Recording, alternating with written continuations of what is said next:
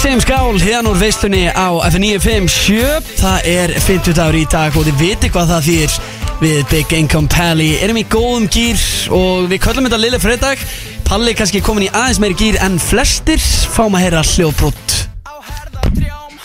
Þú, þú, þú glúður þessu alltaf Þú glúður Sko Akkur er þetta svona lélur í því? Já, Veistu hvað ég heyrði um, um síðustu helgi? Ekkert pólitísk að það er bara göndur og skýð kaldurinn hér í veislinu öfum 957 Ég, ég heyrði Er þetta, er þetta sound effect bara sem við erum að spila? Á að fólk spyrja hvort það var að íta play. Já, það, það, fólk hafði ekki trú á því að þú væri í alvörunni bara að fá þér ískaldan á 50 klukkan fjör Já, ég held að fólk þarf að fara að hætta að eh, efast um það hvort að um, ykkar áskæri sé að opna sér eitt skýt kaldan klukkan fjóru og fymtum því eins og ég hef áður komin og við vorum að gera nákvæmlega núna þá er Lille Fredda, helgin mín, helgin þín helgin okkar allra, hún byrjar á 50 dögum klukkan fjögur og við fokkin keirum þetta í gang með veislum Hárétt, mér finnst veislan vera svolítið svona, þú veist, byrjunin á helginni Þú veist, maður fær lóa að gera sér og þá er maður einhvern veginn svona, ah, Herru, helgin er talandi um það reyndar, já, ég bara get ekki verið meira samanlega, sko, ég fer alltaf, ég bara, ég fór líka, sko,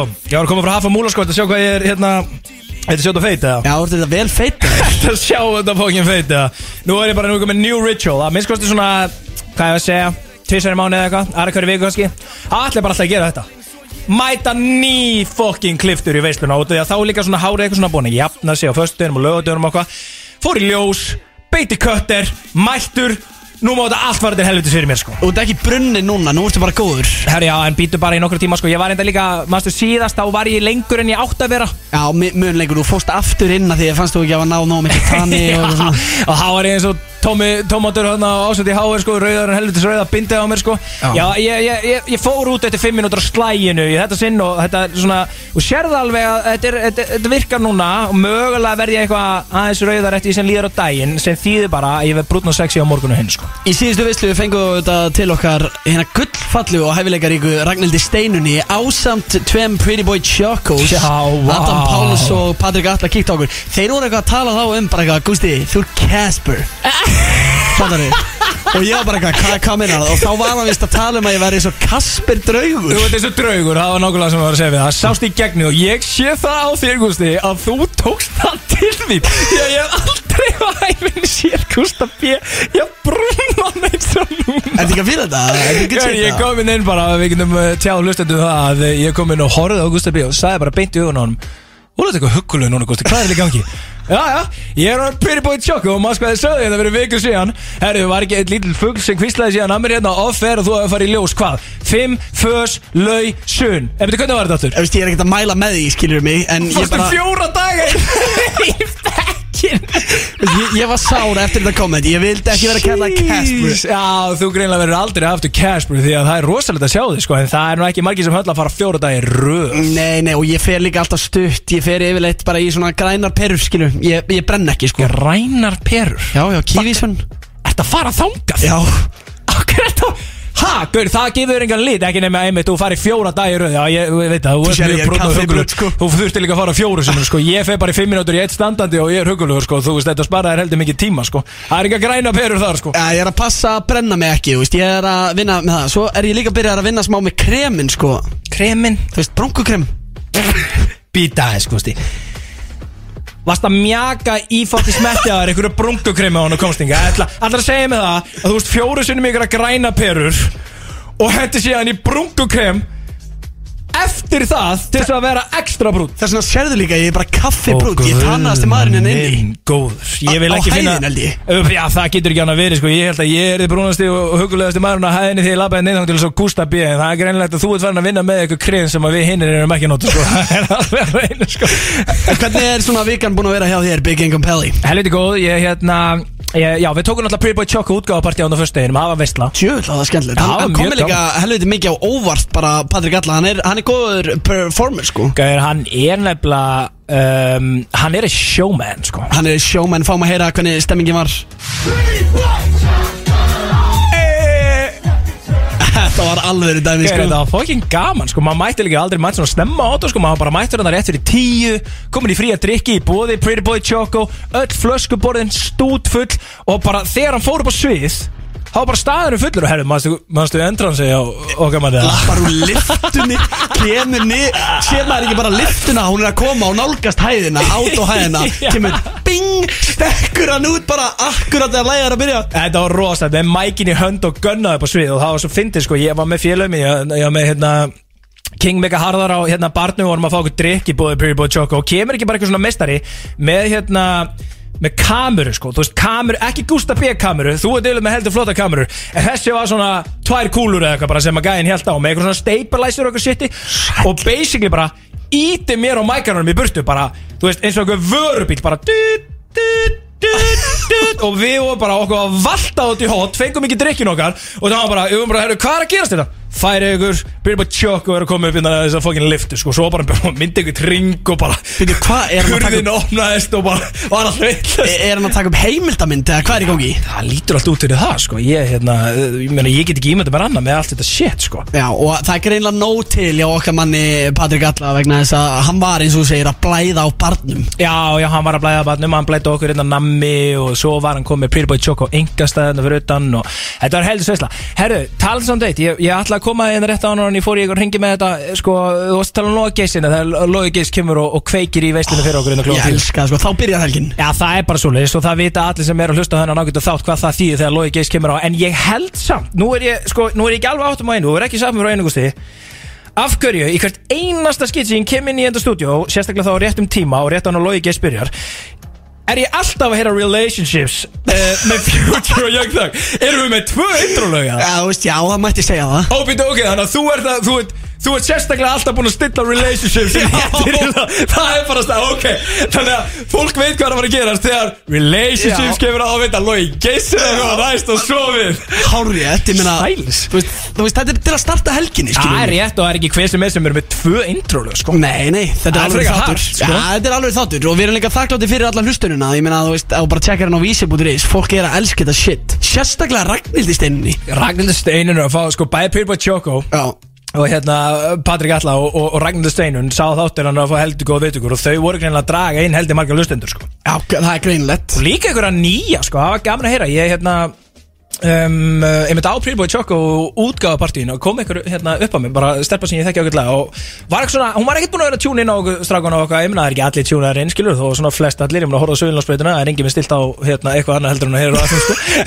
Það- hún kom og sagði, herri, ég var aldrei einhvern veginn búin að hlusta á það ég heyri í okkur ofta í útvarpinu og eitthvað en ég var aldrei búin að fara á vísjó ég hlustaði á hérna viðtalið við Patrik og hérna og svo held ég áfram Ragnhildur Steinu þetta er algjör veistlega, ég fór síðan yfir í gumma Emil veistluna og hún var ekki dæla fyttin og ég var bara, já, flott þú veist þannig að þessi þáttur er að gera heldur mikið fyrir okkur strákunni hérna á veisluna en þetta er, þetta er, ok, þetta er okkar fólk. Já, já, þetta er okkar fólk og við líka erum duglegir að fá bara svona fólk úr alls konar áttum, þú veist, Ragnhildi steinunni. Þú veist, við erum kannski með hann í einu viðtali Svo bara Axel Birgis Big Sexy að mæta á henni eða eitthvað skilur Það er fjölbreytileikin sem við erum að vinna með inn í veislunum sko. Það var helviti fyndi. Ég fekk hérna myndin sem ég sett á okkur hérna með rækjaldistegnu í stóri Já.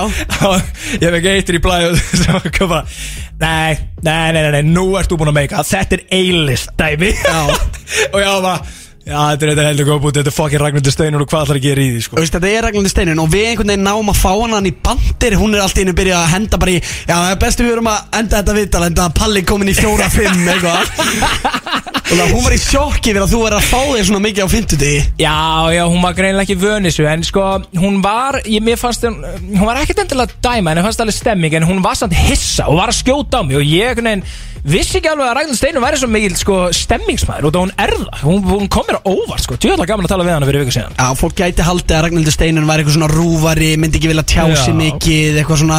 Já, ég ætla nú ekkert að vera komin til það. En hún bara dætti í algjörum bandi með okkur. Já, ég heldur gaman að þið Þannig að þeir sem eiga eftir að henda í uh, Veislunum með Ragnhild Steinum og Brílbúð Tjöko Þau geta farið inn á Spotify og checka á henni. Það er náttúrulega hægt að hlusta á þættina án auglýsinga og laga, skilur Herðu, og ég er meira sem búin að taka til því að þú ert aðeins farin að hypja buksunar á Ég Sko, það var alltaf þannig hérna fyrir nokkru mánuði síðan að við tókum við þátt. Hann fór beintinu í vísi. Svo var hann komin á Spotify og svona cirka hálfu ári setna og kom bara í stóriðana Hörðu, hérna, veistlan hérna með Júli Eðari Loksins komin inn og já, bara, herðu, sko, þetta er old news, sko, þú varst aðeins að bara hissi upp við Pretty Boy Choco veistlan og fokkin Ragnhildur Steinar veistlan Hún er bara mætt. Hún er mætt á Spotify. Við fengum hana bara. Við fengum En hér er þetta stuttastöð þá ætlum við að henda okkur í lagakeppni veislunar og uh, það þarf vart að kynna það en við erum með alvöru aðalgest að mæta til okkar eftir. Vá, eh, við erum að fá legend í leiknum Það er bara þannig. Já, ég, meina ég er bara hún að vera fan bara síðan hann byrjaði að gefa út tónlist. Já, og sko,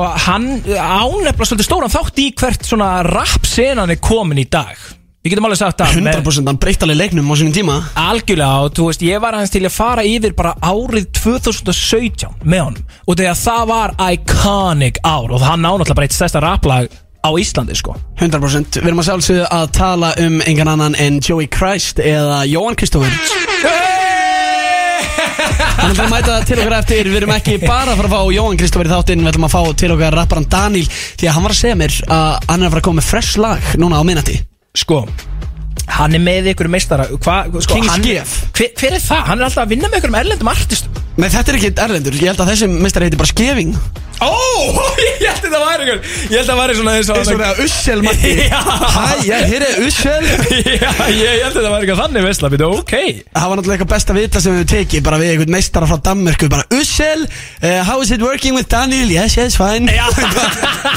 Hvað var að gera Það það? er dangisjun Þá var ég reyndar út í hérna, Þá var ég út í Gautaborg með vinnum mínum í Coolbet og hérna háum í handbólta Það var þetta svona Já, ég, ég fann alveg fyrir sko væpuna Það var einhvern veginn frekar fyndið að vera með þennan meistara hérna, Þennan danska meistara í stúdíónu Þó ég hafi verið úti sko. En, en hann er bara að fara að mæta með einhvern fellow Icelandic kid. Held ég, Já, ég, held, ok. að- ég held að hann er skefing, kallir sér skef. Við fáum að fræðast meira þá eftir. Við ætlum líka að fá til okkar Big Sexy Úr þetta, já, næst besta út af stættinum Já, ok. Brothers Big Sexy er að mæta Og hérna, vorum við ekki að pæli að Jafnvel að henda okkur í hérna Slúðurspurningar? uh, Slúður uh, spurningakeppnina með Big Sexy. Jú, hvor heldur þú að sé betri að fylgjast með stúri Þú, Big Income Pally eða Big Sexy? Góð spurning. Þetta er uh, Þetta er ekki beint Davíð og Goliath Sko, þetta eru tvei stóri menn Já, en þú veist, hann er kallað Big Sexy, skilju Já, já reynda, þú er kallað Big Income Þetta eru Pally tvei stóri menn sko. Já, þú veist, það, það verður allavega frólægt að sjá þetta En fyrst er það auðvitað lagkennin Við erum að fara í hana hérna eftir smá stund. Já, og byttu, er ekki, sko, við erum með Joey veisluna. Erum við ekki alltaf að fara í Joey lagakennina? Jú, maður má bara velja lag með Joey Crest veisla. Ah, Let's go, Veisla. Tjóðlagaði til. Hvað ert að bjóða okkur upp á sem fyrsta lag? Herru, það sem ég er að bjóða okkur upp á er uh, alvöru fokkin hittari. Ég var að hlusta á þetta daginn og ég sagði djöðlir að fara að byrja næsta þátt á þessari veislu. Við erum auðvitað að tala um Weekend og The Future Af plötunni Starboy 2016, Six Feet Under Hér á FM 957 Daniel og Joey Christ í veislunni á F957 Gusti B og Big Income Pally með þér að sjálfsög eins og alla aðra 50 frá 4 til 6 Hér á FM og við erum á leiðinni í eh, skemmtilegan lið. Þetta er lið sem við höfum verið svona já, mistuglir að vera með Palli. En það er alltaf svo gaman að involvera veist, hlustendur við þáttinn. Algjörlega samanlega sko, þetta er svona Þú veist, það er svo gaman líka þegar við náum að tengja þetta einhvern veginn við þátti Nú erum við að fá Joey fucking Christ hér á eftir. Hann er algjastur uh, veislunar í dag. Og þá er einhvern veginn bara tilvalið. Hann á nú helviti mikið að lögum Að negla í uh, la, Bara Joey laga keppnina sko Joey lagakettina, Já. tjóðlýst mér á það Sko, hefur þú alltaf hlusta mikið á Joey Christ eða? Sko ég nefnilega, ég er nú bara alltaf að viðkynna fyrir þér Að ég er búinn að vera sko a Joey fan Since 2015 sko Aha. Já, þú veist, þegar bara Ég man eftir mómentinu Þegar menn bara, þegar Sturla Atlas Þú veist, hópurinn var til Já, já, var bara byrja í rauninni. Já, og hérna, þú veist, ég byrja að hlusta á, sko, áður en ég gáði út lögin sem voru komin inn á Soundcloud, sko. Þú veist, Houses in the Hills og eitthvað svona shit, sko Þú veist, og bara, og Joey var náttúrulega mjög stór hluti af Sturla Atlas, hérna Basically bara, þú veist, á þeim tíma, hvað, við, hljómsveit, eða eitthvað, Já.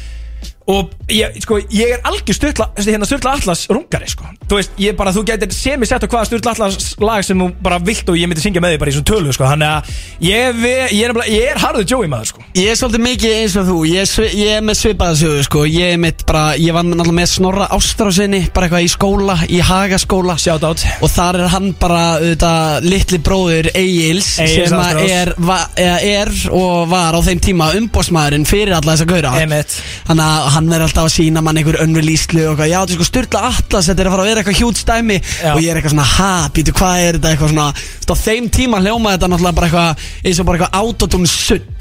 Já, og málega það, þetta var svolítið, sko, nýtt sound. Þú veist, Já. þannig við einhvern veginn að fara úr GP-era Sem hefur svo sem reyndar Jú, þetta var GPR og svo höfum við fengið, veist, upp og því eins og við höfum ofta rættu við okkur sem er að mæta hérna alltaf skilur Issa og Nico og, og hérna og, og Ísleif og þá skilur það er svolítið svona framhald af því og nýtt sánd í tengslu við það. En þeir komu svolítið með svona hvað segja, já, þetta autotune dót sko, einhvern veginn svona eitthvað fyndið og skemmtilegt rap, basically. Og ég myndi segja að bara, þú veist, platanast Joey Joey, platan hafi verið eitthvað svona byrjunin á einhverju einhverju sturla, einhverju sturlaðari rap senu á Íslandi sko. Já, ímyndaði hvað Joey Christ, Jóhann Kristófur hefur, þú veist, bara fætt marga rappara. Einmitt. Nei, án gríns. Og ég meina, lagi sem við vorum að hlusta hérna bara í, í, í þessu tölu orðum bara e, e, lag ásins inn í fyrra skilur Eða bíf. Akkurat, Daniel um, Hardest Out There. Hvert færa með sér?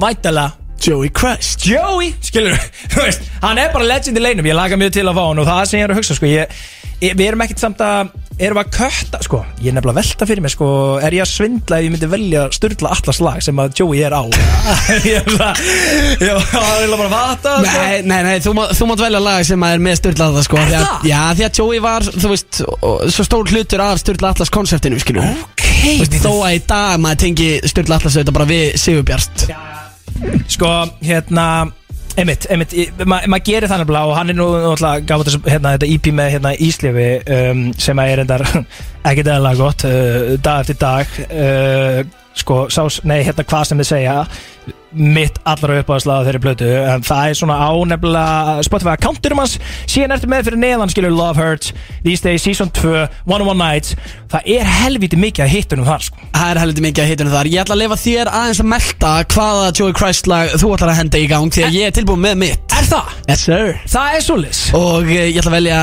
Túristi Fít Ah, Birnir á ok, FN957 ok. hér í veislunum Þetta er, þú þú verður bara vikuna Þetta er rosalega Þetta er fokkin hittari sko. Er já? Þetta er geðveitt lag sko Hækkaðu bara í stúdíun og leiðu þess aðeins að rúla og leiðu hlustundum FN957 og hlusta á fokkin túrista Joey Christ og Birnir Takk Þetta er svona lagi sem ég tengi mest við Joey Christ.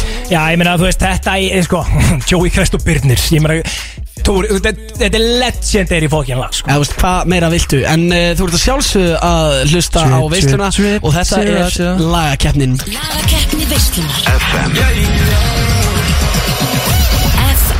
þú veist bara að þið áttu eftir að spila það Ég elska þessa trailer sko. Þetta er svo fucking gott atrið sko.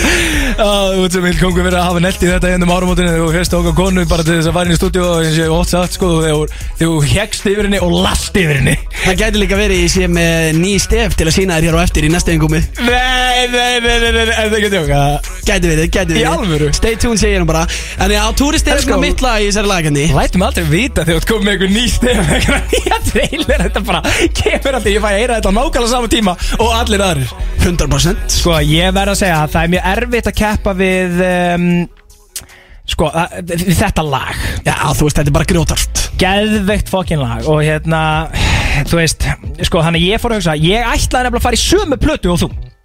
Ok. Og þetta er náttúrulega bara Let's Say plata, Joey platan skilur um, ég- Ég verð að segja, ég var, mitt val var, svona, var á milli G-bletsins og nýjum bíl Já, ok, það eru aðeinslega lög Landlega krabba megin á G-blettur er bara eitthvað next level gott. Ég var introduced to Crabba Main þegar ég heyrði G-blettin fyrst sko og bara, þú veist, síðan er ég náttúrulega vel í- einn harrasti geysakartar maður out there sko og þeir pluss flóni nýju bíl geðvettlag Ég svona fór í smá ferðalag ætla að fara tilbaka í styrla Atlas dæmið og hendi eitthvað þar út og leiði mér það.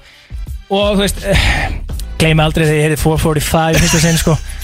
Það er rosalega lag. Manst þetta því að Það er af Love Hurts ekki? on Twitter Yeah, yeah, where you at girl? Bam, bam, bam, geðveitt lag sko Eina sem að fyrir töðanum með þar er að sko Logi Petro byrjar það og við erum alltaf með fyrstu mínútuna Já, Hann er ekki spurning um að ef ég vel það ekki að við myndum bara frekar að spila það þegar við erum búinir í kemni Hvernig verður það? jú, 100% Er Ég það get ekki? spilað hérna eftir, eh, mista mál Og þetta er ekkert eðlilega gott læn Ég ætla að hendi G-blettin Ég bara, ég, ég get ekki sviki G-blettin Þegar ég heyri G-blettin Þá er eitthvað að snert á mig G-blettin sko. Minn almátur. Já, við ætlum bara að fá að heyra G-blettin eh, Og það er þitt val í lagakeppni Joey lagakeppninni hérna í veislunni, í lagakefnin, það er bara nákvæmlega svoleiðis. Eh, Gústi B með túristi, þetta er Val Beik Ingom og þá eru að tala um Krabba Main og Joey. G-bletturinn takk, verður ykkur að góðu. Þetta er, pff, þetta er svo gott lag sko. Þetta er geðveikt lag, hækka þess inn í stúdíu Þetta turn the fuck up Kallið mig Jói Kristnir ert að heyra þetta? Þetta er alvöru lag. Við erum möstin, erum rum og heldur maður Og ég bara fokkin strákur, ekki jónum. Þetta er svo fokkin gott á maður sko. FM 957 Lagaval Big Income í Joey lagakeppninni Það er sko, við erum með tvo hittar. Já, við erum með tvo og Hvernig við, á að velja á mig? við þurfum að fá ykkar hjálp Hlustendur með að byrja að ringa inn núna. Númerið að er að sjálfsögðu 511 0957 Og þið kjósið annarkort lagið hjá Big Income sem er geflættur Eða mitt lag, Túristi Það er líka fít byrnir sko. Er ég smá að cheata þar eða? Nei, ég ætla ekki að segja að þetta cheata út af Því að ég er með krabba mein, þú veist, auðvitað Birnir, Birnir er alltaf Birnir En ég er með fucking krabba mein, sko. Já, reyndar. Þetta, þú bara hlusta, hann er in the background right now, sko Þetta er svo gott lag, sko. Það er svo mikið að hittur um á þessari blödu, sko. Heldur þú að þegar fólk er að keira úr vinninu og svona Og veist og að heyra þessi lög Heldur þú að komast ekki fyrir í gott skap eða? Hvernig er annað hægt. Það er sunshine, það er war í pung Ég tala um það í síðasta þætti, ég er að fá ennþá meira war í pung núna. Það er bara, þú veist Ef ég var hringin, ég veit ekki hvað ég myndi velja 511 0957, sko. Og það eru allar línur að springa. Við getum bara tekið einhvern meistari hérna Það er spurning hvernig stíðin fara. FM 957, góðan daginn. Hver var með betra lag? Það er geflættur. Let's go, ok, Thank ok you, hvað heitir þú meistari? Ég er Deithor. Þakka ég kærlega fyrir þetta Eithor, það er gebröður Já, ég er reyndar, ég sko, þú veist, ég, ég virði þetta. Ég er ekki einu svona pyrraður Nei, það er nú málið sko. Ki- King Eithor er líka bara heiðarlegu með þetta, skilju Hann er ekki að heita á neitt lag. Hann Nei, er bara að nei. segja, gefletur, það er bara þannig. Túrist er hittari en hann vil gebröður FM 957, góðan daginn. Hvort lagið var betra að þínu mati? Herru, ég myndi að segja hann að geflættur. Ok herðu Big Income kom með tvö stig Hvað heitir þú meistari? Ég heiti Birgir. Ég er að pæla. Já. Út að ég valdi geflættin. Mætti ég fá hennar í tvo með á hennar velunafendinguna. Hlustendavelunin Herðu, Gusti, er þú maður sem að Byttu, byttu, við maður sem er að koma inn að það Er þú ekki kynir á já. Við vorum ekki búin að ræða það nýtt Jó, hvað heitir þú meirinn Birgir? Birgir Máni. Birgir Máni, þú er komið tvo með að mæti bara í Vodafone á Suðlandsbrutina og pikkar þú upp takk fyrir. Minnsta mál, takk fyrir að Ekki hlusta flókið fyrir Gústa B að rætta tvei miðum á hlustandu vel Þú ert að pakka mig saman 2-0 Þetta er upp í shit. þrjú sko Vá. Þannig að þú veist, að, þú veist, það er ekkert mikið eftir sko Ég Ef- gæti þurft að ríða upp sópin bara Sópaði 3-0 Heldur þú sem að fara að taka mig 3-0 Ég veit að ég- Það er allar línur uh, glóðandi Fólk hefur greinlega mikla skoðun á þessu Þú veist, það Já. vill ekki láta hvert sem er vinna Rétt FM 957 góðan daginn Ætlar að láta hann pakka mig saman 3-0 Eða fannst þið túrist alveg gott eða? Gústi minn. Já. Þetta er ekki, þetta er ekki flókið. Sko, málið er að þú ert komið stig frá mig, Gústi minn. Let's go Ok. Djöfull er ég ánægður Stig það. frá Birche. Úla. Let's go Ég elska að ég sé að fá hérna Mitt fyrsta mót Takk hérna fyrir að ringa inn vinnur Takk fyrir að hlusta 2-1 2-1 Er ég að koma með comeback? Ég Don't veit ekki, it a þú ætla hann comeback. að byrja að klóra í bakkan FM 957 góðan daginn Hvort var betra lag? Var það túristi eða gefletur? Það er vantalega geflættur. Þú tókst þetta hana. Takk hérna fyrir ringin Takk Takk fyrir að að hlusta. fyrir gæri vinnu 3-1 Já, ég, ég, ég bara ég, Maður verður að viðkenna ósigur skilur Já, og málið það er eiginlega sama hvernig þetta hefði verið farið það, veist, hvernig þetta hefði farið það gat hvorfur okkur verið neitt sérstaklega byrjað með túrist og gefletting, hvað ég var að segja, skilur. Já, tvö, tvö alveg góð lög Takk allir sem að uh, ringdu inn. Þess að Þið- ég er að gera þess að fagna þessu sigur Er þetta ekki alveg í, þú veist, þriðið eða fjóruða skipti í röðu eitthvað sem ég er að vinna í þessari kefni Ég tók um daginn 5-0, mannstu því að Það gleði bókam Nennir ekki að rifja það upp.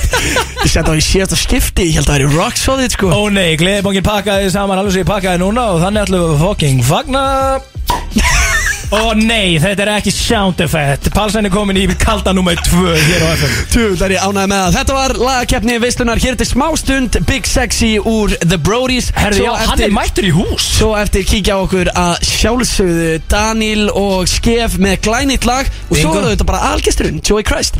Fá núna Bingo. 45 Þarna! 445 á FM Let's go! Og sjálfsögðu okkar menn úr Sturla Atlas. Og þar má nefna auðvitað Loga Petro Joey Christ Og engan annan en sjálfan Sturla Atlas Í dag skilju Sigur Bjartur Sturla Atlasson. Þú ert að lusta á veisluna á FN957 Gusti B og Big Income Pally þér Til klukkan 6 Tjöl, er þetta góð veisla? Þetta er líka svo góð lög sko. Gæri, maður er komin í stór hættulega gýrin sko. Við bara, þú veist, það er einhver önnur orka en í þessu stúdíu hérna, sko, þú veist, ég var bara að segja að það er yfirleitt helvits, þú veist, stemming á okkur hérna, okkur mestu hundi En right motherfucking now, þau eru maður, þú veist, negli 445, öll þessi styrla allaslög, allas að hittar og eitthvað, þú veist, það er eitthvað að springa inn í mér, ég verð bara vikina það, sko. Já, ég er samanlega þar og við erum meira sem komum með góðan gest sem ætlum að ræða aðeins við hérna eftir. Hvað komstu með hand okkur Big Sexy? Talandi um sprengjur. Já, taldu Við erum með Big Sexy í stúdíu, takk. Boom. Er búið að hækki kalla, búið að hækki kallin Ok. Er búið að hækki? Þetta er í segur viðvanningur á tökum Er þetta 10 years? er 10 years Þetta er sound effect. Big Sexy er mættur. Yes sir Hull, hull. Já, já, hann erum við sko, ok Ég kom með náttúrulega bara snúðageðviki fyrir ykkur að pizzunni Og síðan bara að sjálfsög klassiska fucking pizzu, skilja Ah, Tjóðlir er ánað með þetta Hvað var til þess eða Big Sexy að þú fórst wandering around um allan fucking bæ með einhverja snúða okkur að pítsur hægri minnstri Ég er nefnilega, ég fengi þessa spurningu Því að það er búið að spura mig svolítið Býta, ert þú ekki svolítið að drekka á virkundöfum líka? Já, þú ert fyllir þetta Hvernig kemur þetta saman? Ég fengi þetta alveg gríðarlega mikið núna Eftir að ég tók við þessi markastjóri á pizzunni. Og nú Já, hlaut að vera. Sko, mitt aðalverkefni er í rauninni bara sína og sanna Ég er etru á virkundöfum, sko. Já, þess vegna komstu við inn með kaffi og fyrsta Já. sem við gerðum eftir það var að fara inn í blöðkælin Nei, fyrir ekki, brótískælin Bródískælin, sem er sem- bæðið stærri og náður í skýt kaldan Já, nákvæmlega, skilur. Skál á það, Þetta vinur er- minn. Já, ég mitt það er bara hér Hérna erum við komni, skilur. En þetta er, það er einmitt eh, ástæðan fyrir ég fer í þetta gig er bara út af pizza, þetta er fucking stemning. Þetta er eitthvað mesta stemningsmarkaðsgig sem ég gæti mögulega komið fyrir í Já, það er þetta Skemmtilegt rétt fyrirtæki Þannig að Passa Hvernig- vel við þig. Já, passa mjög vel við þig Hvernig er það svona venjuleg dagur hjá þér, Big Sexy? Þú veist, ertu bara að vakna Fara bara að kíkja á Gústa í útvarpinu Gefa hann Já. snúða eða, Hvað, er Já, það þetta er alveg vinna? Já, maður vakna nýju og fæ sér eitt kaldan maður og sko Svo hlammar í einhverjum snúðum hana í, í nestinu klá tíu. Get ekki ímyndað eitthvað hvað þetta er gaman sko. Er Þetta þetta- segir þú, ég ringdi þig á háti í dag Gústi og þú ætti að vera vinnandi maður sko. Lesaður ég er að vakna. Þannig að þá var ég búin að vera helviti lengi í vinnunni Gústi sko Ég veit ekki hvað þú ert að tala um. Tjóðlar ég ánægð með þetta. Það er Big Sexy sem er hérna í veislu stúdíónu að sjálfsögðu á FN957 Hér er til stutastund Þá ætlum við að taka þig í slúður spurningar Þá ætlum við að fara í keppni við Palla um hvor er búin að vera dölari að fylgjast með slúðri Ég gæti verið góður hann Ég er búin að vera að lesa mikið af fréttum öðru Fuck, ok, ég er búin að vera smá busy að skrifa mestarrikir Þannig ég er ekki alveg á sama stað Big Sexy, ég er smá hrættu við Og þetta gæti verið skrút, stay tuned Gústi B. og Big Income Pally. Sjáum veisluna alla fymtudaga frá fjögur til sex. Sturla Atlas í góðan gýr hér á FM 957 Þátturinn er Veislan og það eru Gusti B og Big Income Pally sem eru með þér eins og svo sem, já, flesta aðra þetta frá 46 Ég meina, við, við erum smá eins og vinnur okkar á föstudum Við tökum okkur ekki frí Nei. Við erum þú að kamsa er Þetta kemur Big Sexy með glæsilega pítsu frá pítsun og þú er byrjað að kamsa Já, ég er búin að borða svo lítið í dag. Ég var að spara mig fyrir uh, þessi gjöf Hérna frá Big Sexy. Þetta er með einhverja fucking snúða sem að ég bara, hú veist Talað um gebletti sko Hva? Hvað er að Big gerast Sexy þér var að nálgast hann heldur vel með þessu snúðu sem var að koma Ó, með Ég held ég viti hvað hann er. Ég er að segja það. Var Big Sexy að nálgast það Herru, ég ætla aðeins að koma inn á það hérna Áður en við förum í eh, liðin Hinn viltalið slúðuspurningar Að hérna Að eins og ég nefndi á hann Þá er ég mögulega með smá stef fyrir þig, Eitthvað svona good shit Vi- Vil ég fá að heyra? Nei, byrju, byrju, byrju, byrju Ok, Já. varstu ekki að jóka Ertu í alvörinu með eitthvað fucking nýtt stef núna sem að ég hef ekki hugmyndum Nei, Ætlum við að taka fyrir smá stefið það? Ég er mjög æstur Bring it to the party, never gonna stop. Veistlan Alla fymtudaga frá fjögur til sex Þetta Bring it to the party. er FM 957 Hæli En uh, eins og uh, klokkin hlustendu vita þá náttúrulega satt ég yfir uh, kvennaröttinni hérna á F957 og sagði bara, herru, þú verður að taka Big Income Pally í trillinum og þess vegna erum við með náttúrulega hér virtastef Gusti B og Big Income Pally í veistlunni Þú hefur alltaf verið að kvart yfir í að Áskei Kolbeins ég aldrei að segja nættir Sko, fólk elskar þegar það kemur hérna Gusti B og Big Income veist, ég grenni og hlátur ykkur eina sem ég heyri þetta og allir aðri líka því að þetta komið líka svo mikið óvart þegar þetta kom því og það er ekki búin að, sko, ég hef ekki hugmynd, þú varst ekki búin að segja mér þetta. En málega það, síðan þá, ég var ekki eða sáttum með það, sko, þetta var mjög gott atriði en ég veist ok fyrst við erum byrjaðar á þessu, þá hlakka til að heyra þegar Kolbarinn hendur í þetta. Já, og uh, ég er reynda að fá hann til Nei. að gera Í þetta alvöru? Við skulum uh, fá að heyra aðeins uh, hvernig uh, lukkaðist. Veistlan með Gústa B og Big Income Palli. Og svo, og, og ég reyndi aftur, ég reyndi aftur, ég reyndi aftur. Veistlan með Gústa B og Big Income. Palli Er þið að tjóka? Hann, er- hann, hann var ekki alveg á þessu Og þannig að þetta því miður endaði í þessu Þetta endaði í þessu Sem að er hér. Og þe þetta er bara síðast sem ég fekk út úr honum. Veislan með Gústa B og Big Income Polly Úf Ég grínist það. Þannig að þetta er fæna stefið. Það verður núna reglulega á milli laga Í þessum ágæta þátti. Gauð eh, Erum við núna alltaf með kolbaran að segja Big Ego Polly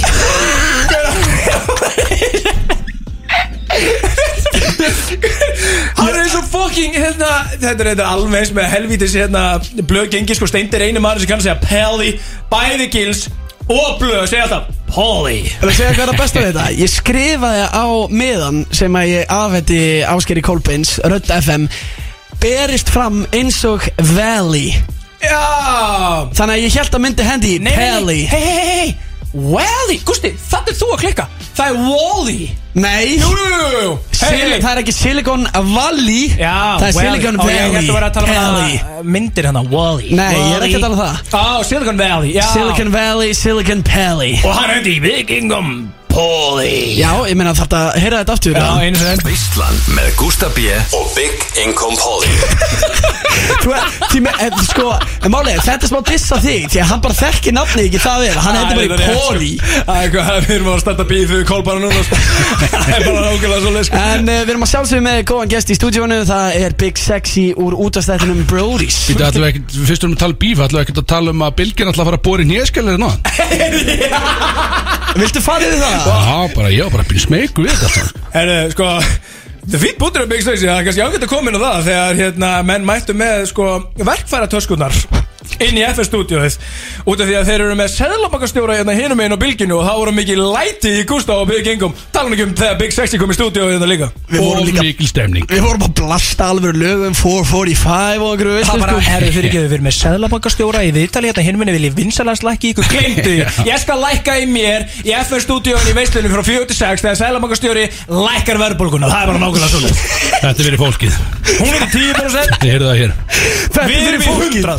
Þetta er verið fólkið Hún er í 10% Ég heyrðu það hér Þetta Við er erum fyrir í fólki 100. Þetta fyrir fólki, fáum svo geblettur í gang. Þetta er ekki, við erum á leiðinni í þann virta slúðspurningar Let's go. Slúðurspurningar með Gústa B. og Big Income Pally Hún nærist alveg rétt. Er þú- sko, eh, hún, hún, segir þetta fullkomlega sko. Ég var svo hissað ég heyrði þetta vist Ég var bara, wow, hversu oft hefur þú veist, Hversu oft þurftur að segja hennar Nei, nei, nei, nei, Pelli Og hún hefur auðvitað tekið eitthvað Þú var bara Pelli Þú varst greinilega ekki að sitja yfir Áskeri Kolbins Þegar hann var að lesa inn og sitt. Nei, ég, ég gaf hann bara miða, ég held að myndi bara græði þetta. Hvað, hvað minnur, skilur, ég held að það væri nóg. Talandi um miða, ekki fekk ég miða í, sko, þið voru að keira ykkur saman á föstudaginn og það var eitthvað miði sem að fóru ekki í mitt póstólu þegar allt gengið, út af skengið á hæðinni, fóru og kyrði í sig hann. Ívar Guðmunds enda fárúlega harður hann í einföldum, sko, vodka er rétt, þið í eitthvað meira heldur en einföldum, vodka er rétt Hvað er að Pelli, var reyndar á Pretty Boy Choco útgáðapartí en ekki fekk ég miða í þetta útaskil, hvað er að hrætta það reyna? Og eins sem ég held segja er að við verðum bara að fara að hætta að senda miða í raunni á svona dótt Þeir týnast. Já, þeir Þeir tí- týna, já, hann þeir týnist skila á sig ekkert alla leið, sko. Greinlega svona verktakatrúður eins og ég fóð ekki búið þessu visslu sko. Nei, það er greinlegt Reyndar, það var illa að fara með plóterinn líka. Fekk hann ekki miða? Nei, það var er Það að Big Inga Pelli og plóter Shit. Svo var bara Guðjónsmári mættur í, í staðin fyrir Pelli Það var eitthvað statement rögglega eitthvað í- Þetta er ekki skildi ekki sko. En það var reyndar alls ekki þú veist, Þetta hefði Við þurftum ekki að hafa þarna Því að þetta fór úr böndunum Þetta hefði verið alveg ræðilegt Það eru mætt Já, já, já, meina það, það Það er er alveg gott. sko. Nei, það er alveg þannig sko. Það er komið að slúrinu drengir. Og sko. eru þið búin að vera að fylgjast vel með slúri? Já, fyrir eftir hvaða slúðri. Ég er náttúrulega fullorðið maður. Já, já, þið segir bara ding Þegar þið eru með svarið Þá fáið að heyra bjölluhljóð Aðtöfum hvort þetta virki Jing, eða ding. Hvað gæði er þetta? Drengir, hver kom nýlega fram og sagðist að hafa fengið bóð um að leika James Bond á sínum tíma en eiginkonan hafi bannað honum það. Vísbending, þetta er leikari sem að leikur oft harðagaurin í myndum sem er töluður að taka upp síman og hóta fólki. Eða Ding. Þetta er Liam Neeson Tjöfull maður? Let's go. Ok. Þetta er ég heitur eitthvað Ég hefði getað verið þetta fram á mánudag og ég hefði ekki gískað á Liam Neeson sko. Nei, en uh, hvað heitir nýja barnið hjá Paris Hilton? Vísbending, það er borg eins og nafni hjá henni. Skilur, Ah, Paris. Þessi er, þessi er erfiður. Já, hún er það, það er bara Gleyma að hún var að lífi sko. Uh, Þú varst ekki múin að gleyma því Big Sexy, ég get alveg lofa þér sko. Hún Hún er einhvers þar in your private browser. Það er sko. Krakkin heitir bara London. London, eða þú veist þú verður að setja ding Já, fyrst. þetta ding. Já, afsakið Frábært. London. Ah. Ég veit þetta von. Ah, ok. Mm. Þetta er svolítið góð spurning sko. Hérna Paris Hilton, þetta er eitt frægasta mótil í heiminum sko. Já, Er ekki með nafnið á nýja bandinu? Nei. Nei, ég ætla að segja, herri uh, Ding Washington. Það getur þú að segja þetta svona. Ég veit ekki, ég er að- Washington. ég er að horfa á House of Cards sko Það er heldur mikið Washington í því sko. Já, því mér, uh, þetta var Phoenix Það var þetta Phoenix? Já, sem er borg í Arizona Já, En Ég, eh, ég hef ekki að vera hérna fram á næsta 50 og ekki ná, ég sko ekki alveg lofa því. Það er ennþá 1-0 fyrir Big Sexy Og við förum í næstu spurningu og þið segir ding þegar þið eru reddi með svarið. Hvaða tónleikar fór í almenna sölu núna á dögunum og settu internetið á hliðina? Ding. Býtu, á já, menna það Hvað er þetta að djóka það? Hvaða tónleikar fór í sölu núna á dögunum? Æ, þetta er hann að búingurinn hann að Hæ? Ég Með- þetta, maður stelsu Já, þú mátt Þetta er búingurinn hann með Við þurfum að fá svar. Æ, ég geði byggst þessi Ég veit ekki hvað hann heitir. Backstreet Boys. Æ, já, ó, Let's go. Nei, herra, nei, nei, nei Big Income, maður, hann er hann fullur Það er eitthvað er í gangi hérna, að vera Það er ekki, talað um annað en Backstreet Boys á fucking hæðinni hérna, sko Ég átti að vera með þetta Ég held þú væri að tala um þetta gæin hana, hinn hana Louis Capaldi Neða, var það hann eða? Ég veit ekki Æ, það var eh, einhver annar búðingur með eitthvað umrætt lag vorum að ræða henni í síðustu viku. Backstreet Boys er hárjætt svar Big Sexy með tvö stík Takk. Big Income Pally ekki svo big núna með núl stík Það er komað næstu spurningu Hvaða tónlistamæður átti ammali fyrir 8 dögum þann 1. mars? Æ, Big Ding Ding Eh, Justin Bieber. Hann er komin á blad Komin á Þetta er. Big Income Pally í veislunni á FNÍFSU í slúðspurningu Loksist komin á blað. 2-1 Big Sexy á móti stóru tekinni. Hvaða tvær ofurskullur voru að bífa núna í síðasta mánuði? Ding. Hailey Bieber og Selena Gomez! Hello, yes Þetta er að taka stefnu. What a comeback! Fuck maður Don't call it a fucking comeback Shit, byrju, erum við að tala um 2-2? Já, þetta Það er lítur allt út fyrir það? Þetta var fljót- þetta var fljót að gerast. Sæll. Næsta spurning Allt í járnum. er Hver verður kynir á The Oscars? Nei, vítu nú við, kynir Þetta er vond Hvað er að djóka það? Já, bara, shit, ég veit ekki, ding. Kyn, ég er ekki með Ég held að, ég sá, það einu sem ég sá var bara Rihanna En hún er vantalega með lag. Já, fuck Hvað er, er, Gusti B? Ég, er vissur að kynna hlustendavalunin En hver er að kynna Oscarinn? Vá, góð spurning. Er það að tjóka? Ok, vísbending. Hann er þáttastjórnandi Með vinsalan þátt í útlunum Jimmy Fallon. Fuck. Ó, ég held ég sé með Hvað heitir þetta getið þarna? Ói, sko. Ó, ég held ég sé með þetta Hvað er þetta? Er þetta að leita James Corden? Já, Þetta er ekki hann Já, sko Ok, þá, Ok, þá en bara má ég dinga það? Já Ding Er þetta Conan O'Brien? Oh, fuck Á hvað þetta er óþægilegt maður Er þið ekki með það? það? er rétt, já, byrju, þáttastjórnandi Já, ég Fæ bara fæ ég það? Já, Gusti B Ding já, Er þetta nokkuð Nafni Jimmy Fallon Jimmy Kimmel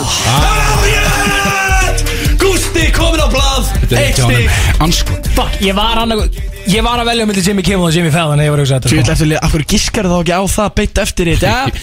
Þið er ennþá 2-2 hér í veislunni Spurningakeppnin í fullum gangi. Hvað heitir þetta? Slúðspurningar Hver var að bífa Elon, eh, Elon Musk á dögum? Fuck. Haraldur Þorleifsson! Djöfull er að snöggur maður. Það er hárið ett ert komin stig Sjöðlega gaman að fylgjast með því Þú ert komin yfir. Það Það er er 3-2 Fyrir Big Income Pally Og það er ein spurning eftir. Nærðu að jafna Eða ætlar að vera undir Big Sexy? Ekki segja þetta svona er það fokk spurning Herra, herra, herra, allar ekki að henda hérna Dim the lights. Ó, ok. Eða bara þegar allt í játnum Það er bara þegar allt í jafni sko. en, en, þú veist, Það er mögulega þegar það væri úrslitaspurning En við, þetta er bara spurning hvort hann jafni eða ekki. Ok. Síðasta spurningin er Hver heldur tónleika í kvöld Í tilhættin af 25 ára starfsamali Hann hefur verið umbósmaður Hann hefur skrifað fjöld Big Income er búin að vinna þessa kefni þegar þetta er fucking einn á borða Það er hálf Takk Þetta slúður var ég ekki með sko. Jesus Christ. Jesus Christ. Ég vil ekki nota orðið dópsali. Á, þetta er gott. Good Ég shit. var, þetta var, þetta var honest keppni. Ég er bara fokkin tapað henni. Já, en þú tekur það bara á kassan Já, Herru, já, Þú ég skalt er ekki einhvern veginn- gleyma því sem Big Sexy Þú fórst í 2-0, ég þetta er 4-2 sko. Já, ég var, ég er samt alveg léttu með þetta einhvern veginn sko. Það er það? Já, er líka komin í kaldan já, ég veit, það er svona er maður einhvern veginn léttu með þessu útlit sko. Já, komin inn með eitthvað svart kaffi og ekki lengi að fara í bróti í skælinn sko. Við þökkum eh, Big Sexy Kella fyrir innlendið Þið drengir ætla náttúrulega að vera á Akureyri núna um helgina. Já, let's go, við ætlum að fara á viðburinn á sjallan Shit, og verður þá bróti státturinn sem að eru þetta alla lögata 46 Verður hann í beinni frá AK? Já, frá Vamos Já. Skemmtistanum Vamos og AK Verðum þar með eitthvað myndalus Þetta blíka á Guðum að þetta hvað. Veist veistla maður. Og Herra Neidsmjör og Aron Kahn kom í þáttinn Og Aron Móla og einhverju verður alls konar. Þetta verður viðbjör Svo ert þú að fara að keira í það sjálfanum Já, í rauninni já sko. Þannig að allir, allir nærsveitungar geta komið og borið með augum hérna alveg í blakkátti sko. Sjáta át á alla, að, sko, norðamenn. Að, bara, við, við elskum Akureyri, gústi Við, væri nú ekkert farlegt Við myndum bara að rúla með the brodies. Bara velkomni sko. Það þarf að ykkur að vera á tökkunum hérna Mér finnst líklegt að ég verði fengin í það sko. Skot á tökkunum að rétt. Ok, já, það er búið ákvæða Gústi, ég verði á tökkunum hérna Ég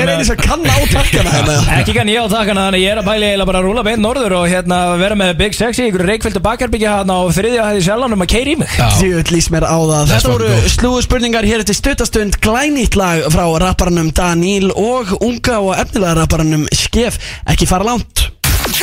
Þetta er Veistlan Á FM 957 Alvöru lag hér á F957 Þú ert að lusta á veisluna. Hvað varst að bjóða okkur upp á hana Pelli? Jú, þarna var ég að bjóða okkur upp á Metro Boomin Want Some More. Uh, get ekki haldið áfram með hérna Þetta producer tag En uh, þetta er að plötuna auðvitað Here's some Villains Too Many Nights uh, Don Tolliver Future. Þetta er eiginlega svona hittarinn á plötunni sko Þetta segir mér Creepin sé ekki The number one hit af blöðunni Það er Too Many Nights. Já, já, sko, the mainstream media vil meina að Creepin sé hittarinn Ég er enda fucking elska Creepin, fárlega gott lag, sko En ef ég ætla að koma í gýrin á fimmtudegi Þá er ég ekki að setja Creepin, sko, það er meira svona sunnudugum Já, ég samanlega þannig Too many nights, það kemur mér í gang, sko. Samanlega þar uh, mjög gott lagavall. Hér er þér örstutastund Þá erum við að fá til okkar rapparana Daníl og Skef Ég var reyndar ekkert heilt með sem Skef Þetta er einhver nýra artisti. Já, ég laka til, ég, bara, ég held að hann var erlendur, sko. Þannig að ég laka til að spyrja hans út í það, sko. Já, við tjekkum á því Hér þér örstut Svo, skilabóð Joey. Let's go. Shit, þessi þáttur er búin að vera rosalur Ó já, svo sannlega, það er, uh, vorum að tala um það, það er, einhvern veginn, það er bara einhver biluð orka enninni, það verður bara að segjast alveg nákvæmlega eins og er og við erum að hendi í svona, þú veist, það er þetta Joey Veislan, við erum að hendi í sko Joey lög, Joey laga keppnin, uh, vorum þetta með síðan uh, Sturla Atlas einhvern veginn líka á út af því að þar byrjaði þetta allt saman fyrir Joey Christ og vorum að spila Pills, helvítis hittari sko. Alvöru hittari og við erum búin að vera tölulegir í Sturla Atlas og Joey Christ hitturunum. Pældi hvað er, þú veist, stór katalóg bara af geggjum lögum. Já, ég meina rúlaði bara yfir þessar plötur og sér bara hittar eftir hittar eftir hittar sko, við erum aðeins að ræða þetta við Joey eftir sko En uh, þetta er þetta Joey veislana, það þýðir ekki að við séum uh, með tómar hendur þegar kemur að öðrum gestum. Það er búið að vera fín gestagangur innan til þessa. Og það er komin annar mjög góð vinur þáttanins uh, til okkar. Og hann er með gest og hann er með fréttir að færa verðu velkomin Daníl. Hola. Og svo erum við Hola. Hola Ok. Þetta, þetta nýjast að nýjast Spænska maður, já. Já, damn Svo erum við Skef. What's up, what's up? Sætlunur Gaman að segja þig. Sömur leiði, svo verður meir en velkomin. Skef, S-in sko, þetta er Bitti, bitti, bitti, við vorum að tala um Ég, ég var að reyna að ná sá hann S-X E-F S-X-E-F Hvaðan kemur þetta nafn eiginlega? Þetta er eftirnámið sko Family name sko, skefing Skefing, ah, þetta, ok, skemmtilegt. Orðagrín ekkert skildur Magnús í Skefing, nei? Jú maður, það er frændin sko. Ah, let's go Ok, ok, ok Stórt, stórt. Já, við erum komið með hinn íþróttálfin í stúdíu Það er bara nákvæmlega svoleiði sko. Sæða, hvað hérna Reyndar rétt á við ræðum mál máluna sko. Hvernig er heilsan Daniel? Hún er fín, hún er Aha. fín Já, hún er fín sko. er jafna á helgina já, jú, jú, jú, svona Semi, skilur, svona 90% Þetta var þung fokkin helgi. Shit, maður af hverju, af hverju, byrju, af hverju var það þung helgi, Daniel Ég veit það, ég bara mikið að gera og Geðveikt mikið að gera. Já.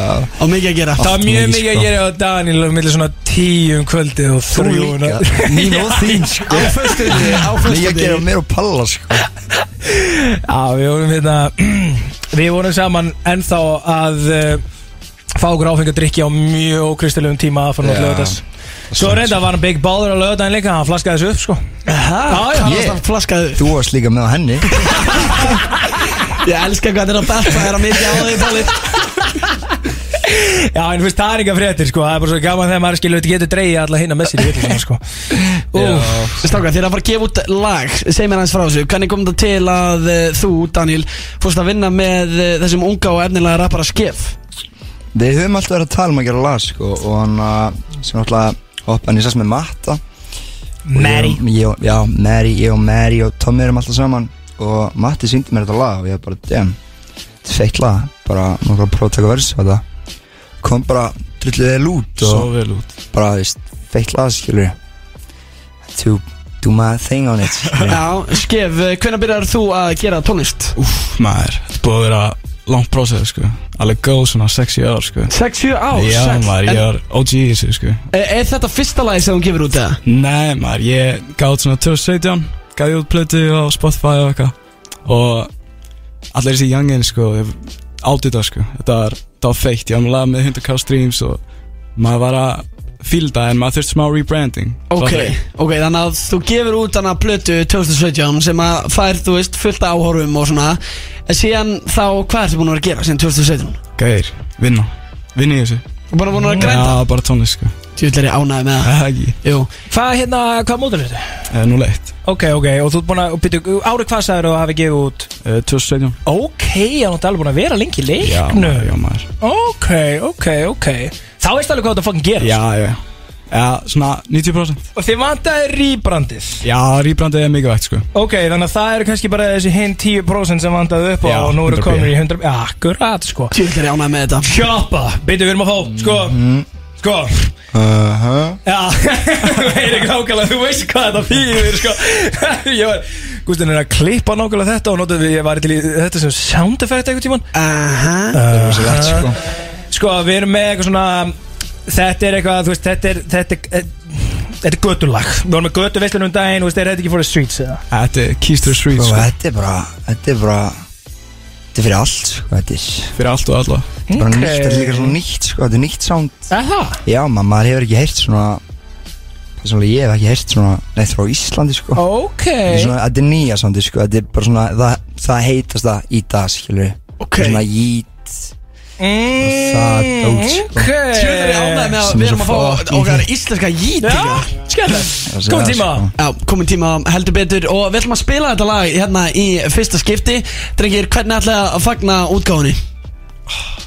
Hvað er að gera? Bara fáum okkur eh, Ég veit það ekki. Bara fyrir út að borða það eitthvað. Ég er bara Saga, ég er bara að svara þessu fyrir ykkur. Við erum bara í vindinum Já, eldur vindin Við erum bara í fokkin vindinum, sko. Þetta gæti enda í steikaplata þetta gæti enda í jógurti Tjóðlega er ég að Gæti enda elska alls þar, sko. Hér fáið þið í fyrsta skipti Choppa með Skef og Daniel. Þetta er að sjálfsögðu tónlistamæðurinn Patrik með alvöru lag sem að heitir Pretty Boy Choco. Þú ert að lusta á veisluna á FM 957 og það stýttist í að við fyrum að fáum okkar mann Joey Christinga inn. Hann er auðvitað já. aðalgesturinn. Hann er algesturinn í dag og ég sé glitt í hann hérna frammi, hann stendur hann við kaffevélana og uh, það er kannski komið tíma að fá okkar mann í stúdíu hérna. Ég heldur skuldum jafnvel eitthvað nokkru auðlýsingar, eitthvað rétt fyrir það því miður. Já, það gæti verið, en fólk býður vantilega bara spennt Já, þetta er Joey Veislan, við erum búin að spila Joey Christ lög, við erum búin að spila Sturla Atlas lög, ég er að fá alvöru love, e, sko sími minn er að hitna vel því að menn er að segja, herðu, Sturla Atlas og FM, takk. En það, fólk er annað með þetta það er bara nákvæmlega svoleið, sko. Það er líka gaman að gleðja, við ætlum að henda okkur í örstutt skilabóð svo eftir það er þetta bara okkar allra besti maður Joey. Joey Christ Reyndar þú verður að heyra þetta stef sko Þetta er stefið það sem að kolbarinn klúra nafninu Já, hvað er það, hvað er það? Veistlan með Gústa B. og Big Income Polly Shit, hvað þetta? Er þetta ekki. Við vorum að fá til okkar alvöru gest. Þetta er gestur af eh, dýrari gerinni, myndur ekki segja það, Pelli? Jú, það er bara nákvæmlega svoleiðis. Aðalkvöldið er í kvöld og algesturinn er mættur Vertu veira en velkomin og sæl Joey fucking Christ. Sæli King, Sæli King, sko það voru komin til eitthvað maður, þið eru rosaleg En það, varstu eitthvað að hlusta á eða? þið eru bara, þið eru drullaðir í hausnum sko. það er eitthvað það eitthvað alvarlegt í vatninni hjá okkur en ég fíla það sko, mjög gaman að koma hérna það er mjög bara frískandi. Og þannig að mér er gaman að heyra og reyðninga sko. Og ég fatt að þið er kannski svona þú veist, FM 95 blöð pluss Sturla Atlas saman sem Veistland sko. Hljóðlega þannig sko. Já, beti, beti, beti, beti, Joey. FNF 7 pluss Sturla. Jú, jú, jú, jú. Veistlan Já. pluss Sturla Atlas Já. er Veistla. Já, það er Veistland sko. Já, það er veisla, nákvæmlega svoleið sko. Og það Þeir eru ekki að spila Sturla Atlas ef við blöðum vinnur okkur þar sko. Við getum alveg Nei, það vantar það svolítið inn. Já, sko, Joey var um að segja við okkur hérna bara þegar hann kom inn inn að hérna, bara, hann hafði mjög gaman að því að heyra uh, Sturla Atlas lag á FM, hann man ekki eftir að hafi, hefur það bara aldrei gest eða? Það er, jú, jú, maður, komum inn í viðtóla ekkert búin á sínum tíma og Gústi hefur náttúrulega verið að spila Já, já. og, og, en, en Nei, þú veist ekkert sérstaklega mikið sko ég, mér, ég, mér, það var bara, mér hlýjaði bara hlýnaði um hjartarættur að fá að heyra þessi lög sko í útarpinu sko Sko, hérna Mér, sko, mér finnst það svo meira en sjálfsagt því að sko, ég og Gusti við erum harðir Sturla Atlas menn hérna, þú veist, ég, við vorum að tala um það hérna í byrjun þátt að 2015 Love Hurts. Mhm. þú veist, þetta er sko þetta er build-upið í sko kannski koma aðeins betur inn á eftir hérna 2017 árið sem var svolítið stort Já, já, En build-upið í það er Sturla Atlas era 2015-17 Já. Og þú veist, þegar við fáum Love Hurts og These Days, Season 2 One One Nights and 2017 skilur við sem að einhvern veginn kórónar síðan Þú veist, svo erum við Joey, Anxiety Siri og við erum að fá að kynnast öllum Þú veist, Aron Kahn og þú veist, Joey Cypher, við erum ekki að tala um það við. Nei, það er ekki að tala um það sko. En uh, sko, við við hendum í Pilsin á hann. Hendum í 445 Já, maður, þið voru bara að spila, þið voru að spila all the classics. Ég veit það og þegar ég heyrði á þetta sko, við, vorum, við búin að ræða það gegnum gangandi bara hérna yfir þáttin bara það er búið að vera eitthvað fucking orka hérna sko, við erum búin að vera í alvöru gýr og þegar við erum að blasta sko, við fengum bylgjan var alveg brálið okkur hérna á hann og þegar við vorum að taka viðtalið sælamakastjóra þá vorum við að blasta 445 hérna inni sko. Hvað hefur hann eitthvað skemmtilegt að segja? Er hann ekki bara eitthvað að segja eitthvað rugglega? Ég Miklu er ekki bara að lækka í honum og bara hækka í bara Sturla allas og byrgjum líka sko Sko, Joey sagði mér heldur góða sögu þegar ég hitt hann hérna fram í orðan á hann. Gústi er náttúrulega, þú veist, hann er bara upptekinn á því að hérna græja, þú veist, hann er náttúrulega tökunum og hann er að kvæja gestina og svona og ég sendi fram að ná í næsta gest. Og heilsæðan mér segi Joey gamla að sjá þið, Páll Lórið ég höfum við hist og ég var svona að reyna að muna. Og segja hann ekki formlega en og hann kom með fáránlega góða sögu sem ég var búin að steingleima því ég var einu sinni í sko profile picture hjá Joey á Facebook. Jeps. Ha, þú ert ekki einn af skeiturunum Nei. Var það ekki eitthvað? Uh, Einna skeitur hann, veit ég ekki hvað er. Nei, ég er að Nei. Þú að fylgjast með profile picture Nei, af því að ég, að ég, ég sko, maður bara fylgist með og, og náttúrulega ég, við, við þekkjum frá því í den tíð, sko, bara í MR og leistir eða þar og, og þannig að síðan sá ég að Big Income Pally var mættur hérna með þér í, í veisluna og, og ég kannaðist eitthvað við köða, sko, og ég fór bara að fletta á Facebook hjá mér og þá fann ég mynd sem Kjartan Hreinsson hafi tekið á Center í Keflæk Já. Ætli það hafi ekki verið 2016 eða eitthvað, 2015-16 Þetta er svona tvö, já, þetta er, þetta er eitthvað í kringu það 2016. Já, og þar bara stendur Joey Christ á sviðinni á Center Kef og hver er við hliðanum nema fucking Big Income Pally þú veist, nema hann lukkar smá eins og svona medium income Pally það sko.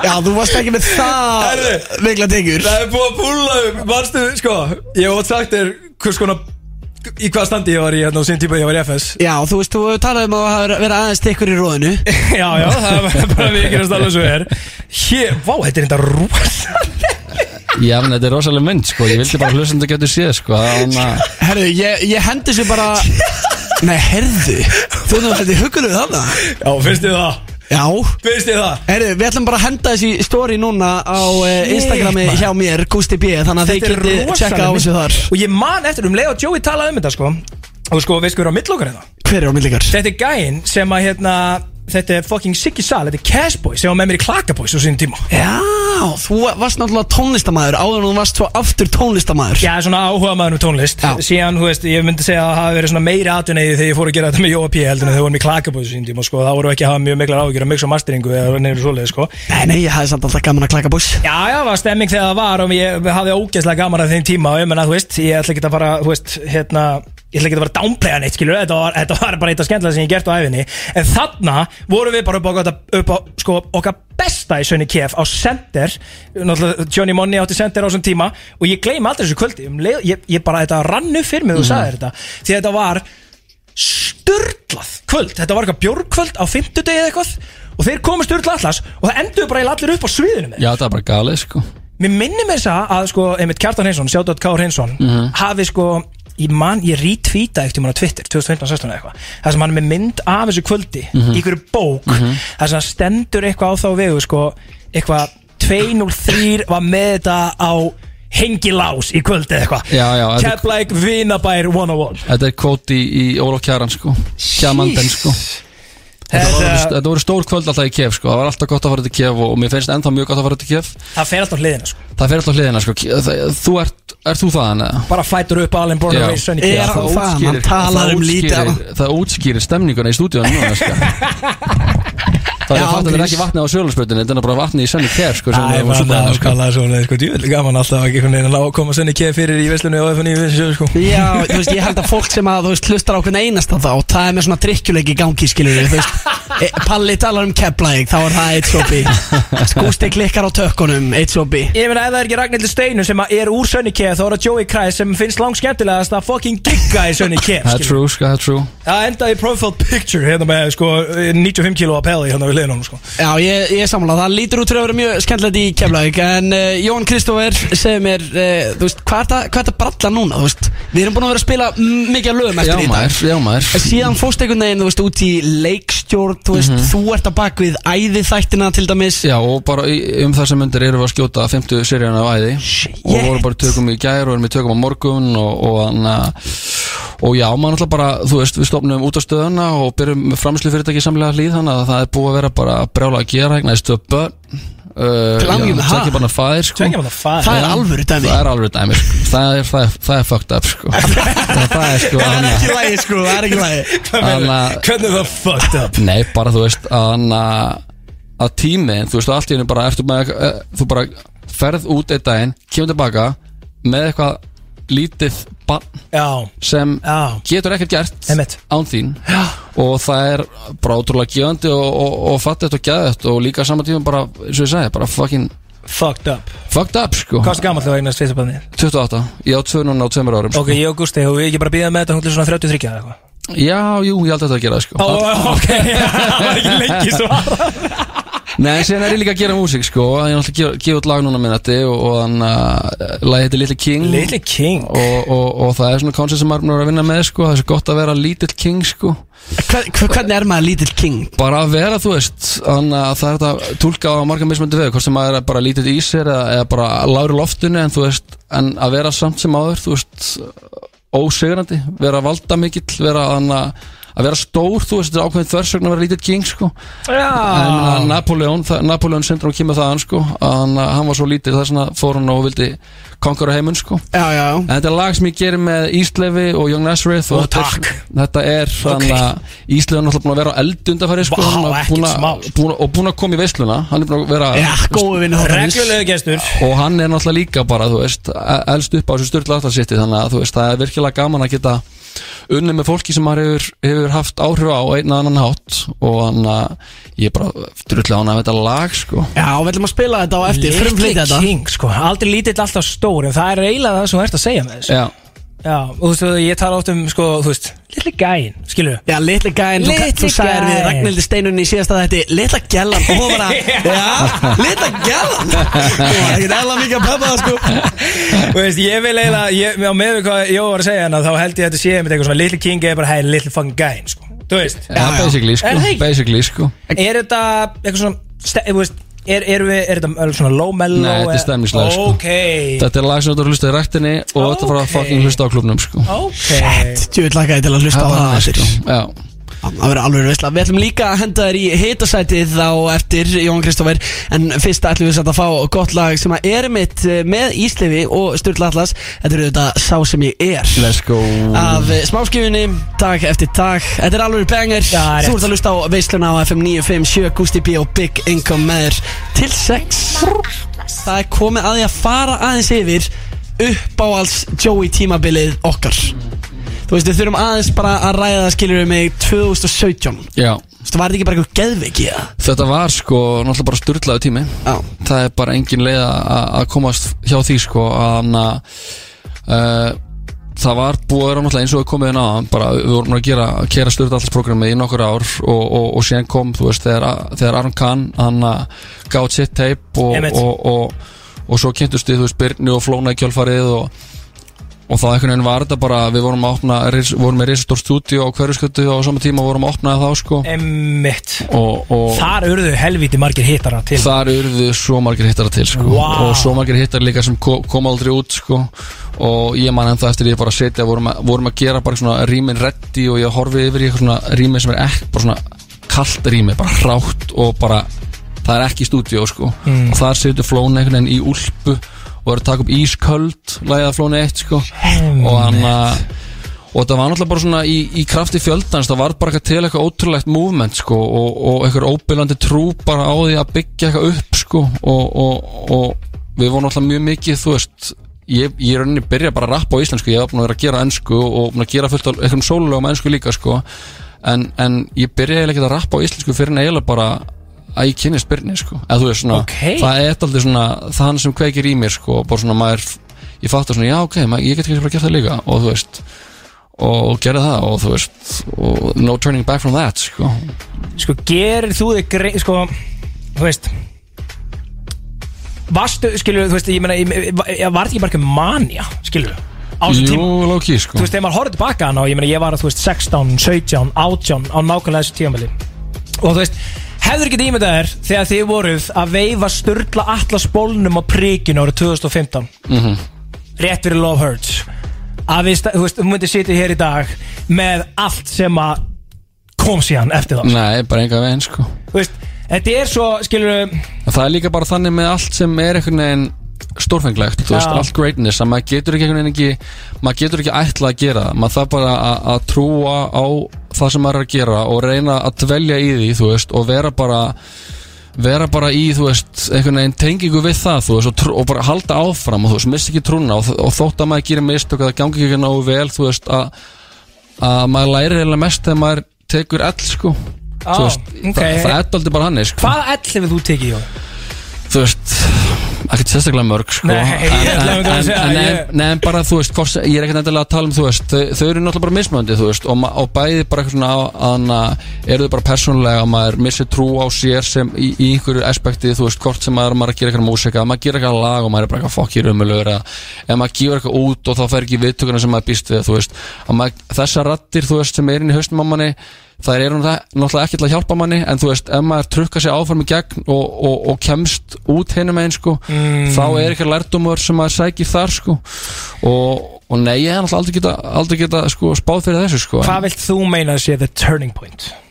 uh, í, hjá mér Já, ég vil meina, og ég ætla bara að fá að sko setja það samingi við íslenska rapsinu Mhm. því að ég vil meina að bara, og ég veit að ég er ekkert einnig með þessa skoðun ég er ekkert að kljúa neina atomina sko en hérna niður, niður frá sko 2017 Sigurd Solstis Mhm. Joey Cypher Mhm.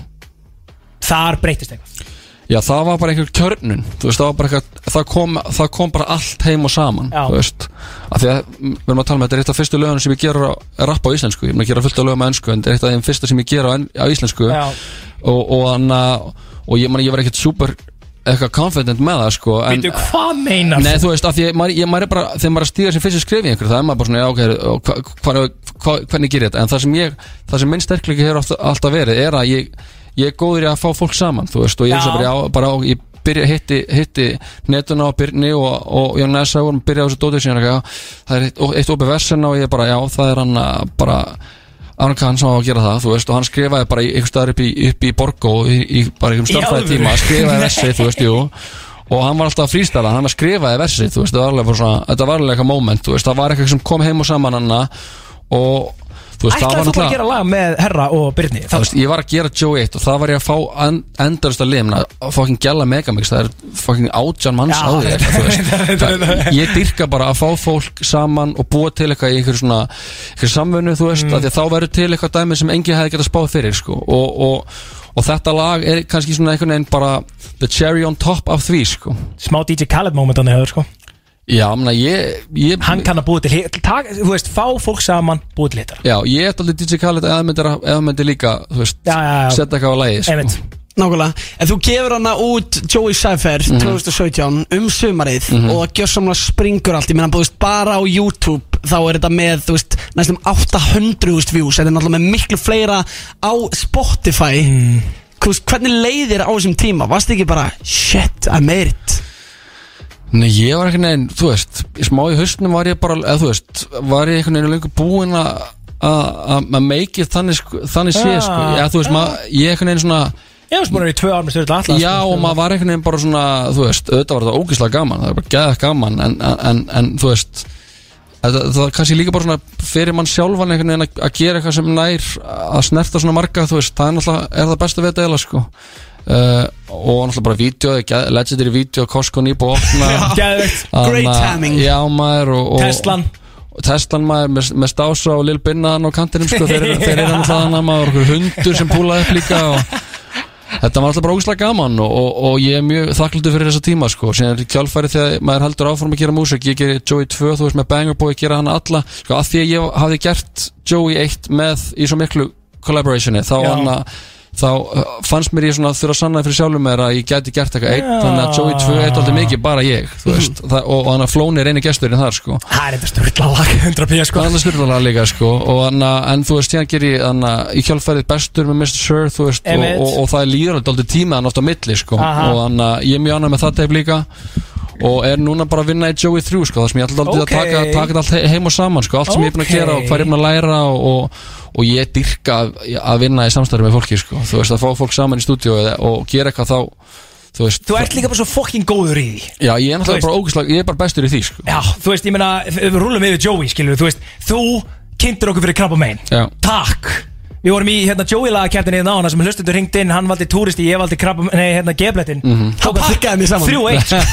Þetta er sturdla lag. Já, þetta er gæðaleg Þú veist, takk fyrir að setja flóna og geisha kartel saman. Ég vissi ekki ég þurfti það, eða vildi það. En þú vissi hvað ég þurfti og bæði Mhm. vildi sko, Já, þú já. veist, Bara nýjum bíl. Þú veist, þetta er einhvern veginn bara svona Já, þú, þú gefur okkur það sem við vitum ekki að við viljum. Já, Skilur já. Og síðan Ég ætla reyndar ekki bara að runga þið fyrir að geta hérna, fyrir að geta sett gott fólk saman og búið til gutsitt hittara heldur finnst mér eitt sko vannmyndasta lagið þitt Mhm. að mínum að því, það er á Joey 2 ég var að hlusta bara hans í gær. Mhm. það er svo geðveitt lag. Logorð Lokaorð Óf, Já, það er eitt af mínum uppáðslegum sko. Vá, Ég kann að maður. að Big Income Pally sé að sé að meta það sko. nei geðveitt þetta er eitt af uppáðslögunum mínu með þér sko Já, bara, já, geðveikt, maður. beat, skilur dung, Já, Boy sko. dung, dung og ég fæði bara svona, ég blast þessu shiti sko, þú veist, ég er í góðum græðum sko þú veist, en þetta er aðeins svona í róleri kantinum en þetta, þetta svona makes me feel some type of ways Já maður, það var líka pælingin sko, og líka bara eftir alla þessa störlun 2017 þú veist, að, þá var ég að vinna í þessari plötu og, og maður var svona í mis góðu ásökumulagi að gera mikið af þessari músík þú veist, og þannig að, þannig að þú veist, maður var kannski líka daldið svona að- gera upp, þú veist, á einhverju, einhverju tímpúti, þú veist, þannig að þetta þetta svona störlaða success sem kom á svona Einmitt. ótrúlega overnight sko á þessari Joey 2 plötunni sko. Einmitt, Kóruna það svolítið. Já, og, og Banger Boy einhvern veginn fullkominn þú veist, hann, hann að fullkominn gaur til að gera þetta með mér og, og er náttúrulega bara einn okkar lang besti pródusser sko. Mm. Hann gerir líka eða ekki hérna, miljón fyrir allt. Þú og Krabba May Jú, hann gerir, hann gerir náttúrulega allt það teip með Ástóri Já. og með Carp Main og, og hann, að- hann gerir Star Mýri maður og hann gerir, þú veist og drengur maður Shit, og, já, og drengur. Ha! Lexa Picasso nýja teipið og hann hann að ég get ekki farið nú fögrum orðum um, um, um hann og, og, og sömulegis bara hann að hinna pródusserinn sem ég unni með, þú veist, Young Nazareth, þú veist, það er bara. Það bara ég. sem hann að byrjar að vinna með okkur í styrla atlas af því að Logi pikka hann upp á Soundcloud þar sem hann gerði eitthvað Young Karen type beat á Eh, Soundcloud og sér líka gauðurinn bara í dag bara besti lagahöndu þjóðarinnar, þú veist, það er bara hann að. Já, mena, þú veist, það, maður, maður er mjög heppinn að fá að kynnast fólki svona einhvern veginn snemma og fá að sigla með þeim og það verði til eitthvað dæmi sem hefði aldrei geta orðið til annars sko. Geðvögt Ég meina spurningu, en að þú veist, varandi velgengnina í tónlist mm Mhm. nú ert þú náttúrulega með margar miljónir hlustana samtals á lögin Mhm. Þú veist, hversu mikið samsvarar það peningum í dag fyrir tónlistamann? Uh, Þú veist, mikið af mínum stærstu streymum komu, þú veist, í gegnum Cypherin og, og hana 100p og Oh My God og eitthvað svona uh, þetta er, ald, þú veist, ég hef aldrei lítið svo á að að þú veist að, að, að gefa út músík kosta það mikið þannig að þú veist ef maður fær það sem ég fær, fæ inn að streymi eða eitthvað setji ég alltaf bara beint inn í inn í kerfið aftur til þess að geta kert út næsta prógram sko. En, en þú veist svona eins og þú veist gigpenningur og þannig Þú veist, er, þú veist, er Jú, alveg að lifa vel á þessu? Þú veist, það í alltaf 2017, 2018 er ég að gigga náttúrulega miklu meira en ég gera núna Þú veist, að því núna er maður bara með tvö börn og maður er að gera eitthvað sjónvastætti og maður er, að gera, maður er bara með hann að maður er bara swinging all over town sko Mhm. og, og, og búin að vera að gefa miklu minni músík sko en, en ég elska að fá gig og ég fæ alveg reglulega gig, ég er alveg að gigga tvisar í mánuði kannski, veist og ég elska að spila fyrir fram að fólk og, og alltaf, alltaf ge- geggja næs að fá borga fyrir það, veist en, en það er líka bara aðalega, að maður fari og maður finni fyrir því að fólk sé einhvern veginn með manni, þú veist, Já. að sé að fokka með þessu, þú veist, og, og maður finnur það langt best þar, sko. Ég held þú þurfur ekki að hafa neitt sérstaklega miklar ágjur því mér heyrist verið komin á sko kom tími á Sturla Allasar Union í Sönni Kef sko Þannig að hljóma er svo fucking money in the bank, sko. Já, það er bara invite á alla my day ones fan úr FS á sín tíma sko Það hljómar þetta ekkert eðlilega vel sko Ætlum að fá alvöru lag á fónin Þetta er já. No Lovin' Takk Og svo eftir það þá ætlum við að henda þér Joey Christ í hitasætið. Oh shit. Já, það þarf að svara einhverjum svona vel óþægilegum spurningum Eitthvað sem Palli er búin að vera að kukka upp hérna. No Love and Sturla Allas One One Nights hér á FNI við sjö hittasæti eftir smá með Joey Christ. Veistland 46 Gusti B. og Bygging og með ykkur. My love, stay up all night. I'll make you feel alive. Rolling down the 405 so I can fuck you up like all the. I know it's been a while, girl. I've been on my grind. Been lost all day and night, but now I'm feeling so in touch with you. And baby, you see me through. Your skin so warm when I come, yeah, you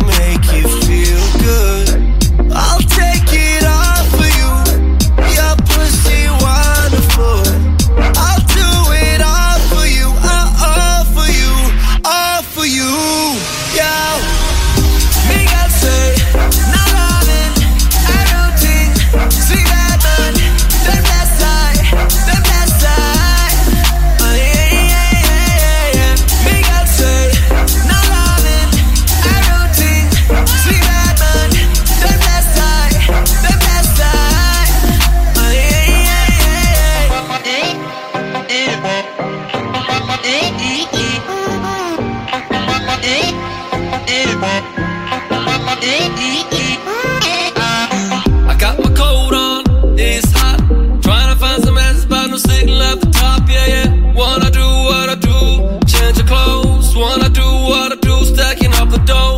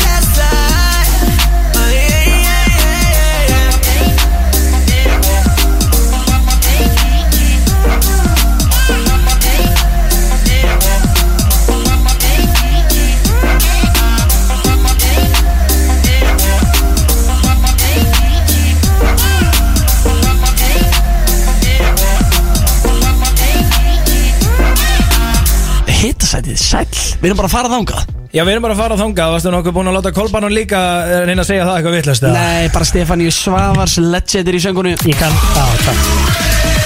Það er komið af hitasætinu. Hitasætinu Sjóðandi heitt í veislu Hitasæti, sjóðandi heitt í veislunni Ég vil heyra meira af Stefaníu Svavas, það er mín kona sko, hún bara kann að bera nafni mitt fram sko, það er eitthvað annað en Kolbarinn Já, þetta meina því að hann skeit þegar hann var að lesa þetta á hann? Veistlan með Gústa B og Big Income hann, var- hann, var- hann, var ekki, hann var ekki alveg að ná því. Hey. En eh, nokkrar tilraunir. Já, já Við erum að fara í hitasætið Við erum með nokkra spurningar á þig, Jón Kristoffer Já, bara let's go Hvað er það heimskulegasta sem þú hefur gert bara á æfinni? Þú veist, Hvað er ég svona sérðið mest eftir, skilju? Ég sé ekki eftir neinu sko Ok, en eitthvað heimskulegt sem þú hefur gert samt? Já, Sem var svona, set, já ábyggilega setjast upp í bíl með einhverjum tveimur ókunnum gaurum í Kolumbíu Já, já, já, það er mitt. Og það endaði hvernig? Endaði vel. Ok, ok, mjög gott. Hefði ekki enda illa. Það er ekki þetta mjög illa, þetta ljómar ekki vel sko. En byrju, hvernig er maður í þeirri aðstöðu að þurfa að fara upp í hjá ókunnum út í Kólumbíu? Hvað er, you don't, you don't know sko. Þú bara, ég í alveg ekki veit það sko Sælir. Já, Þetta er bara fyrir, þetta, Súsa kemur bara sko í, í anna æfisöðinu Æ, segir ok, ok, ok Og við stela, við stela Þá erum við samt eiginlega að vera með formála sko, áður en þú talar um þetta sko, þá við að segja Fekk mig til þess að hugsa þegar ég var spurður í visslunni á Gustaf Já. B og F957 Sko, hérna, hvað, ég myndi, sko og bara, eins og maður ræði á hann 2015, 16, 17, 18 þá varst að gigga basically allar helgar og marga virka líka. Mhm. um, kl- svona, já klikkaðasta sem við gerst águri giggi og ég ætla líka að koma með framhaldsspurningu. Erfiðasta giggi, þannig að bæði klikkaðasta giggið og það þarf ekki endilega að vera út af að það var bara svo störlu stemming og ég veit að svarið er alltaf fucking sendir í Sönni Kef sko hérna, með medium income belly og Johnny Money hann er bara sviðið vestir sko. En svona þú veist ég er að tala um svona þegar allt fór í kle, þú veist bara það sem þú varst bara eitthvað hvað er að fucking gerast Fuck maður, þau eru svo mörg sko. Þannig að þau voru oft doldið helluð sko í, í kef sko. Það voru nokkur alveg helluð í kef sko. Aha. Og þannig ég var nefndir einu öðru. Já, og þannig Það er mjög erfitt að segja Ég líka sko man frekar illa eftir Þessum sko giggum sko. Mm, ok. Þannig að maður var tölvöld meira að- að að fá sér að feita þá sko en núna sko og, anna, og, og sem veldur því að ég man þetta takmarkað en, en þau voru mjög mörg sem voru bara svona allt, maður bara ekki á what the fuck, hvað er í gangi hérna þú veist, en síðan voru mörg sem voru líka bara uh, geðveikt, þú veist, bara stur, stemningi bara algjörlega out, of control sko, og ég mjög, mjög, mjög minnist þetta sko á Sigur Solstis held ég hvað var það 2000 og sko 2018 held ég að það verið. Ok, þá var, hann, var ég með sko já, ég held að það verið þá. Það er bara eitt svona, eitt, störðlar sem setjum ég sé sko að bara stemmingin þessi Já, stemningin bara, þú veist, og það var bara lið var, bara, gessan, það voru allir til. Það voru allir til og allir komnir og allir saman, sko. En, uh, Manstu eftir því þegar hérna talandum Gigi Sönni Kef þegar Pópó gitt á okkur hérna ég mann því, sko þegar löggan kom og, og hann, löggan í kefa með eitthvað fíknæmna hundana og, og það var eitt bara mesta violation sem ég, við höfum lent í, sko þú veist, löggan mætti hann og ég var, við vorum að spyrja bara, komið fram við alla svona sem er að koma hérna að spila að eitthvað svona fengur náttúrulega bara eitthvað köld, eitthvað kaldar tuskur í, í smettið þá, sko. Þar var einhver handtikinn Já, Hver var handikinn? við getum ekki talað um það sko. Ég ætla ekki, það er, það er, það er í æfisöðinni sko. Income Pally veit það sko. Ég veit hver var handtikinn og málega það Og það er samt einhver úr grúppunni, skilur við Það er einhver, einhver, einhver var handikinn Já, það var eina strákunum sko Þetta var svo mikið atriði að þeir voru að headlina Bara stút fullan stapa Skilur Það var allir að býða Og bara Sko reynda að sjá þetta Björnela sem var að DJ hana Hann slúttaði DJ-settinu Og ég var í damage control Eftir þetta rugl Eftir að löggan fóð með þá alla á stöð Ykkur skýslutökur og shit DJ-in búin að hérna, sko, slökk í tónlistinni Og ég var með 500-700 Mók rugglaða úlinga Sumi mökkaði, sumi ekki Svo voru að spyrja bara hvað fokkar er að gerast hérna sko. Býttu, varst þú ekki bara tíu ára hana? Uh, nei Gusti, ég, ég er búin að lifa tvær aldir Það er eitthvað annað en þú sko. Ég var svona 17 18 sko. Ég fann að Ingi Alessandi Jarl Til að spyrja hvort hann geti gunna brautin Og byrja að jarka þessi kvöldi sko. Ég, Það var rosalegt atrið sko. En hvað er þá erfið þú veist, Svona Já, hef, hefur þú farið og kikkað ykkur staðar og verið bara eitthvað, oh my god, my god, þetta er ekki hægt maður Sko, ég- í krátinu og bara stemming Ég, maður hefur alveg lent í því að vera, þú veist, erfiðum giggum, sko, en ég er, ég er doldið þannig, sko, ég náttúrulega var í Impro Íslandi mörg ár og ég, ég var, hef alltaf verið mikill leikúsmaður, sko, þannig að Mhm. ef eitthvað er erfitt og sköllað, þá dyrka ég það, sko. Þú veist, ég var bara, ég var að spila, ég var að spila í hittifera í, sko, í von hús Vigdísar Fimbódóttur sem er hann í háskólanum. Já, já. ég var að spila á, á afmælisháttíð sko ljósmæra deildar háskóla Íslands. Og ég var bara að spila einhver svona há, einhver, þetta er bara stofa bara, þú veist, skólastofa bara með, bara hana þú veist, það sem er bara raðir og, og bara setið upp í brekku, þú veist, og síðan neðst var bara einhver, einhver ponta og ég var bara með mækin úr pontunni.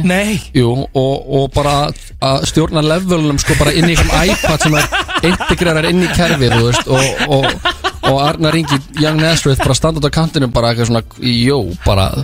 En, en ég hugsaði svona það bara svona, þetta er eitthvað sitt sem myndi fara með suma sko, það myndi vera bara eftir þetta bara ég er, ég, ég er hættur, ég ætla ekki að vera meira í músík. En ég dyrka þetta sko Þú veist. eiginlega með þykkari skráp en flestir. Já, ég, þetta var líka kjálfari Ég fór í eitthvað viðtal á rástöðu eftir um, um, um, um uh, þegar kona mín er strákin okkar eldri sko og ég fór eitthvað viðtal þar og, og þá sló okkur taug hjá einhverjum anna, anna, einhverjum ljósmóður og, þess vegna var ég fengið annars sko Og stóðstu bara upp í pontu Já. Bara eins og er að flytja ræðu Já. á, þú veist, hérna, einhverju landsþingi basically Og varst bara Telja, Hér. telja Kall mig og kiss Já, basically. Hitti krabba það mitt Og tegur þú veist ég hann hérna Allir krabba mig þá var þetta aldrei þannig og ég sagði, ég, sagði, ég, ég, ég tók nokkuð lög sem var ég bara að grínast aðeins inn á milli þú veist og síðan sagði ég bara, herri, þetta er ábyggilega, eitt, þetta, ég sagði, þetta er eitt af þessum gigum. Þetta er eitt af þessum gigum en ég bara vil þakka kjallaði fyrir mig sko. Já, fest bókan mætilega já, já, þú veist, maður anna, en, en líka bara, þú veist hver, hvaða póki í heiminum sko, bliknaði samburu við þessa sög Já, þú ert að safna sögum. Ég er að samla sögum sko. Há að koma að næstu spurningu hérna í hitasætinu. Joey Christ með okkur palla í veislunni. Joey! Þetta er einfalt, hefur þú stólið einhverju og ef svo hverju? já, ég hef stólið fullt að setja sko. ok.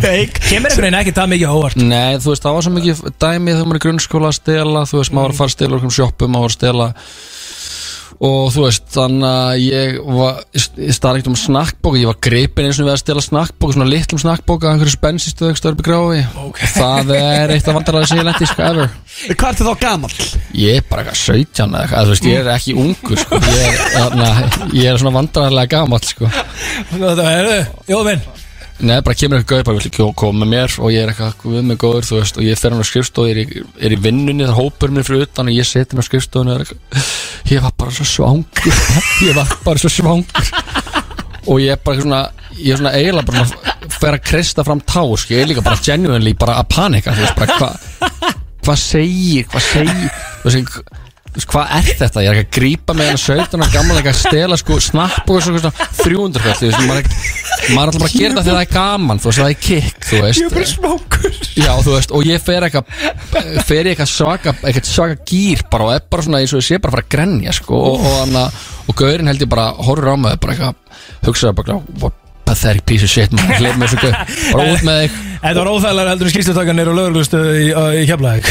Já, það, já, þetta er svo pínlegt maður, það tekið að stela snakkbóka, þú veist, bara eitthvað litlum snakkbóka, sko. Sko, ég ætla reyndar, hérna, ég ætla að kæla hittasætið aðeins, sko, við, við, það mun verða heitara, sko, en þetta er samt spurning sem ég langar að spyrja, mm því að mér finnst þú vera smá svona, uh, og smá líka feature king Íslands, Mhm. þú veist, ég, við rættum það hérna þegar uh, Nico kom með Íslegu Issa, þá er ég að tala um að, þú veist, eitt uppáhaldsrýming sem sem hefur verið gert í íslensku tólusögu er hérna hlauparætt rýming Mhm, mhm. geðveikt, bara nýja bítið og þú veist, og þú veist svona, ég meina, þú ert featuring á Eðvili Beef, þú ert, þú veist, þú ert mjög oft gestasöngarinn á helvítis hittur, Mhm. hvað er uppáhaldsfeatureið þitt?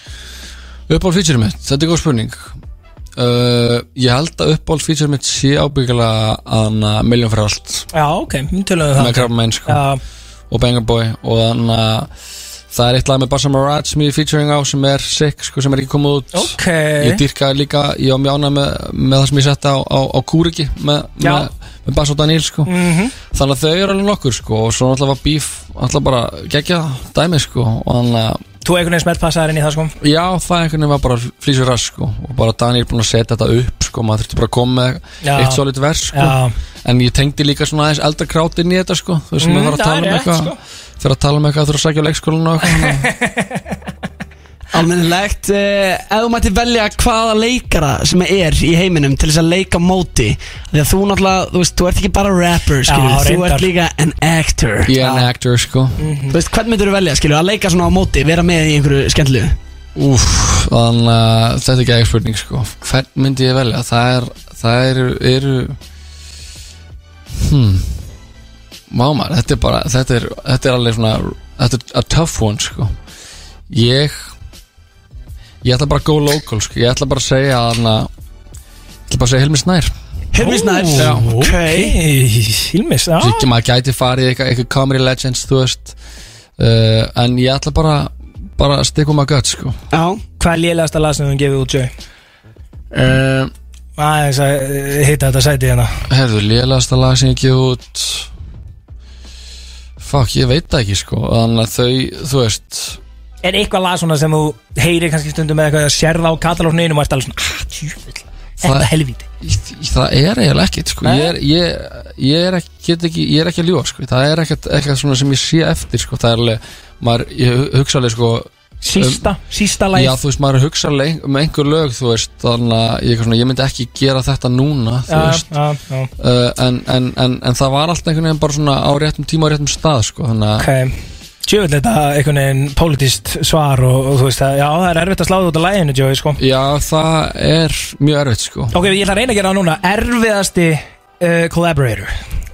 Uh, uh, Svona hvernig það var mest kræfjandi eða bara Já, þú veist, ég myndi vilja spyrja hver er leiðilegasti collaborator En ég veit að þú snúaði upp í eitthvað Við erum allir geggjar, við hugsa mættu Anna. Við erum allir vinnir og.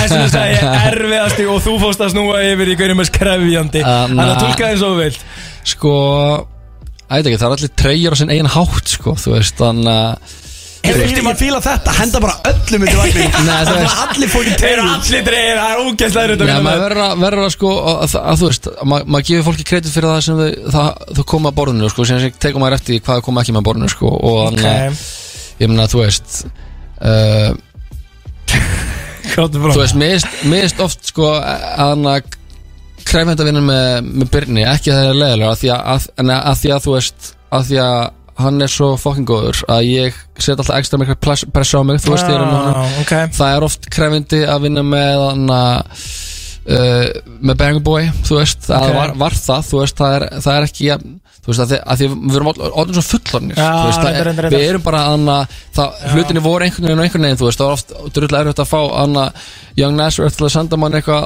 anna, bánsa einhverju lægi, þú veist, einhverju demói, þú veist uh, Ko- Hefur aldrei komið alvöru hiti í stúð Þá er ég ekki að tala um út úr græjónum sko. Ég er að tala um þetta sem menn eru bara Að. Já, Nei, við erum, þú veist ég er allir eitthvað pent. Já maður, maður hefur aldrei verið í, í því að vera eitthvað í einhverju svona þannig orku sko. Það, og ég held að ef þið hefum verið eitthvað mikið meira í þannig orku þá hafði þetta ekkert gerst sko. Ég held að ástæðan fyrir því að það, við séum allir svona góði vinnir og, og mér finnist, ég get ekki sagt að þessi neitt sem er, leðald að vinna með Hefur veist, aldrei tekið neitt út af ykkur lagi. Verður bara herra gamla sori Ég, ég get ekki þetta vörð sko. Jú, ég held að ábyggla gert það sko. En þá verið bara því að maður er að reyna að að sko þjóna læginu frekar en endilega að veist, það aldrei neitt persónulegt eða eitthvað? Bara eftir að fungja djóka Nei, ég er ekki þar sko Ok. Ánægð með þetta. Þá komið að síðustu spurningunni Já. Hérna í hitasætinu Við erum að segja búin að rúla vel yfir tíman hérna. Við ætlum að fara í síðustu spurninguna Sem að er, hefur einhvern tímann heyrt orðróm um þig Jón Kristófer? Mm. Og ef svo, þú veist hvað orðrómur var það? Skilur eitthvað sem var ekki satt Bara eitthvað svona Einhver vinnur kemur upp og er bara Gamli, Jói, ég var að heyra hérna.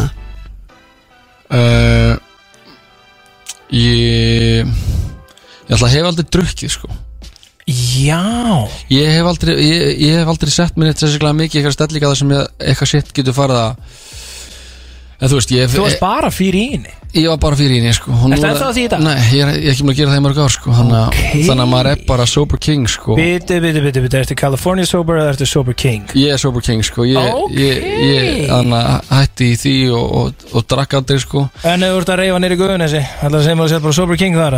En það er kannski, það er kannski smá svona eða svona leeway þar sko, það er Ok. okay. að gera und, undan þá sko, en til þess eru reglunar, eða þú veist Já, já, til þess að beigja til þess að bæja þér sko. Ah. Ég hef heyrt orðunum að ég hef verið, verið í sleik vinn menn einhvern tímann uh, Vá, hræðilegt Nei, þú veist Nei, ég er að segja það, það var- gætla að fara í sleik við vinnu Já, þú veist, ég var ekki sleik við hann Þú veist, ég var bara svona, já, það er þetta ekki rétt en, þannig að, og jú, ábygglega hef ég heyrt eitthvað, ég bara ég pæli svo mikið að lítið í hvað fólk segir, sko. Þú ert ekki Toxic King. Nei, ég er þannig ekki, sko, ég er litli king, sko. Og þannig að og, og ég held að, þú veist, ég held að við höfum alltaf gott að tilengja okkur það, sko að pæla minna í því sem aðrir er að hugsa eða segja, sko. Mjög gott, þetta var hitasætið og það er hárétt, hann er Little King, þetta er Jóhann Fuck. Kristoffer eða Joey Christ og er að gefa út lag núna á miðnætti sem að þið hlustendur veislunar fáið að heyra í fyrsta skipti hér á FM 957 Ó já. Hver er að vinna þetta með þér, Joey? Herri, það er Íslefur eitt svo allra heitast í dag Þetta er Ísland og svo er það bara hitt maskinan Young Nazareth sem kemur með additional production og mix Guð mingur og Oculus sem já. masterar Já, Berglótthaug gerði artworkið Þannig að þú ert að fá í rauninni bara landslið. bestu Já, já Ég amna það, Little King getur ekki fengið neitt annars Í fyrsta skipti í íslensku útvarpið Þetta er Little King með Joey Christ Þetta var Joey Veislan og við þökkum þér kærlega fyrir Joey komuna. Veislamæður, takk fyrir mig Já, sko. takk fyrir komuna. Big Income Pally maður var, þetta var king shit, þetta var veistla eins og ég segja hérna sko. Er það ekki bara það? sko, veist, Er þetta ekki Little King veislan? Þetta er Little King veistla sko. Það er nákvæmlega svoleiðis. Gústi, við ætlum að negla á Little King. Takk kærlega fyrir komin að Joey Christ. Þvílíkur heiður, þvílíkur þáttur. Fengur frábæra gesti, fer á vísi Gústi B. neglir þið inn. Og síðan Gústi, ætla ég að fá þið um leið og Little King er búið. Þá ætla ég að fá besta remix af fokkin Íslandi á fónin Og það er hlauparhatt. Þá kemst ég alvöru í gínun Og ég er ekki að fara að keira neitt til að hlaupa niður í bæ. Veistlan Alla fymtudaga frá fjögur til sex.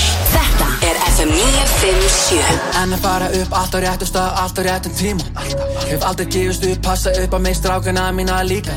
Allt og fáið sannir, allt og margir feik Legg síðan í þessi, ef þú er leim þá ertu leim Líf og anda þessu dæmi, þetta er ekki grín. Horfa ekki ef kalli kemur, myndi fara í stríð. Bestu hlutina í lífinu, það farðu frít En þetta lúk sem ég er í núna, það er maður fucking dýr Komin hátt og er enn að fara upp. Sefði ekki því ég horfi ekki niður. Jakka föt og hendinni er gull. Hugsi árum ekki dögum eða vik Drengum minn ég er í heluðum hók Beitum ekki óbult en þú vilt ekki smók Erum ekki í neyslu en við elskum dóp. Ég poppa eina litla baun og ég veri risa stór wow. Á réttum tíma, samt er ég seit Við gæti gert allt sem ég geri ekki fucking neitt. Ég er ekki að flexa í þúsund efru buksum Ég er ekki að flexa pæli í hvað aðrir hugsum Komin hátt og er enn að fara upp. Sé því ekki því ég horfi ekki niður. Jakka föt og hendinni er gull. Hugsi árum ekki dögum eða vikum. Komin hátt og er enn að fara upp. Sé því ekki því ég horfi ekki niður. Jakka föt og hendinni er gull. Hugsi árum ekki dögum eða vikum. Little Joey Little, little, little Joey. At the east limits, at the, at the east limits, yeah, at the east at the, at the east.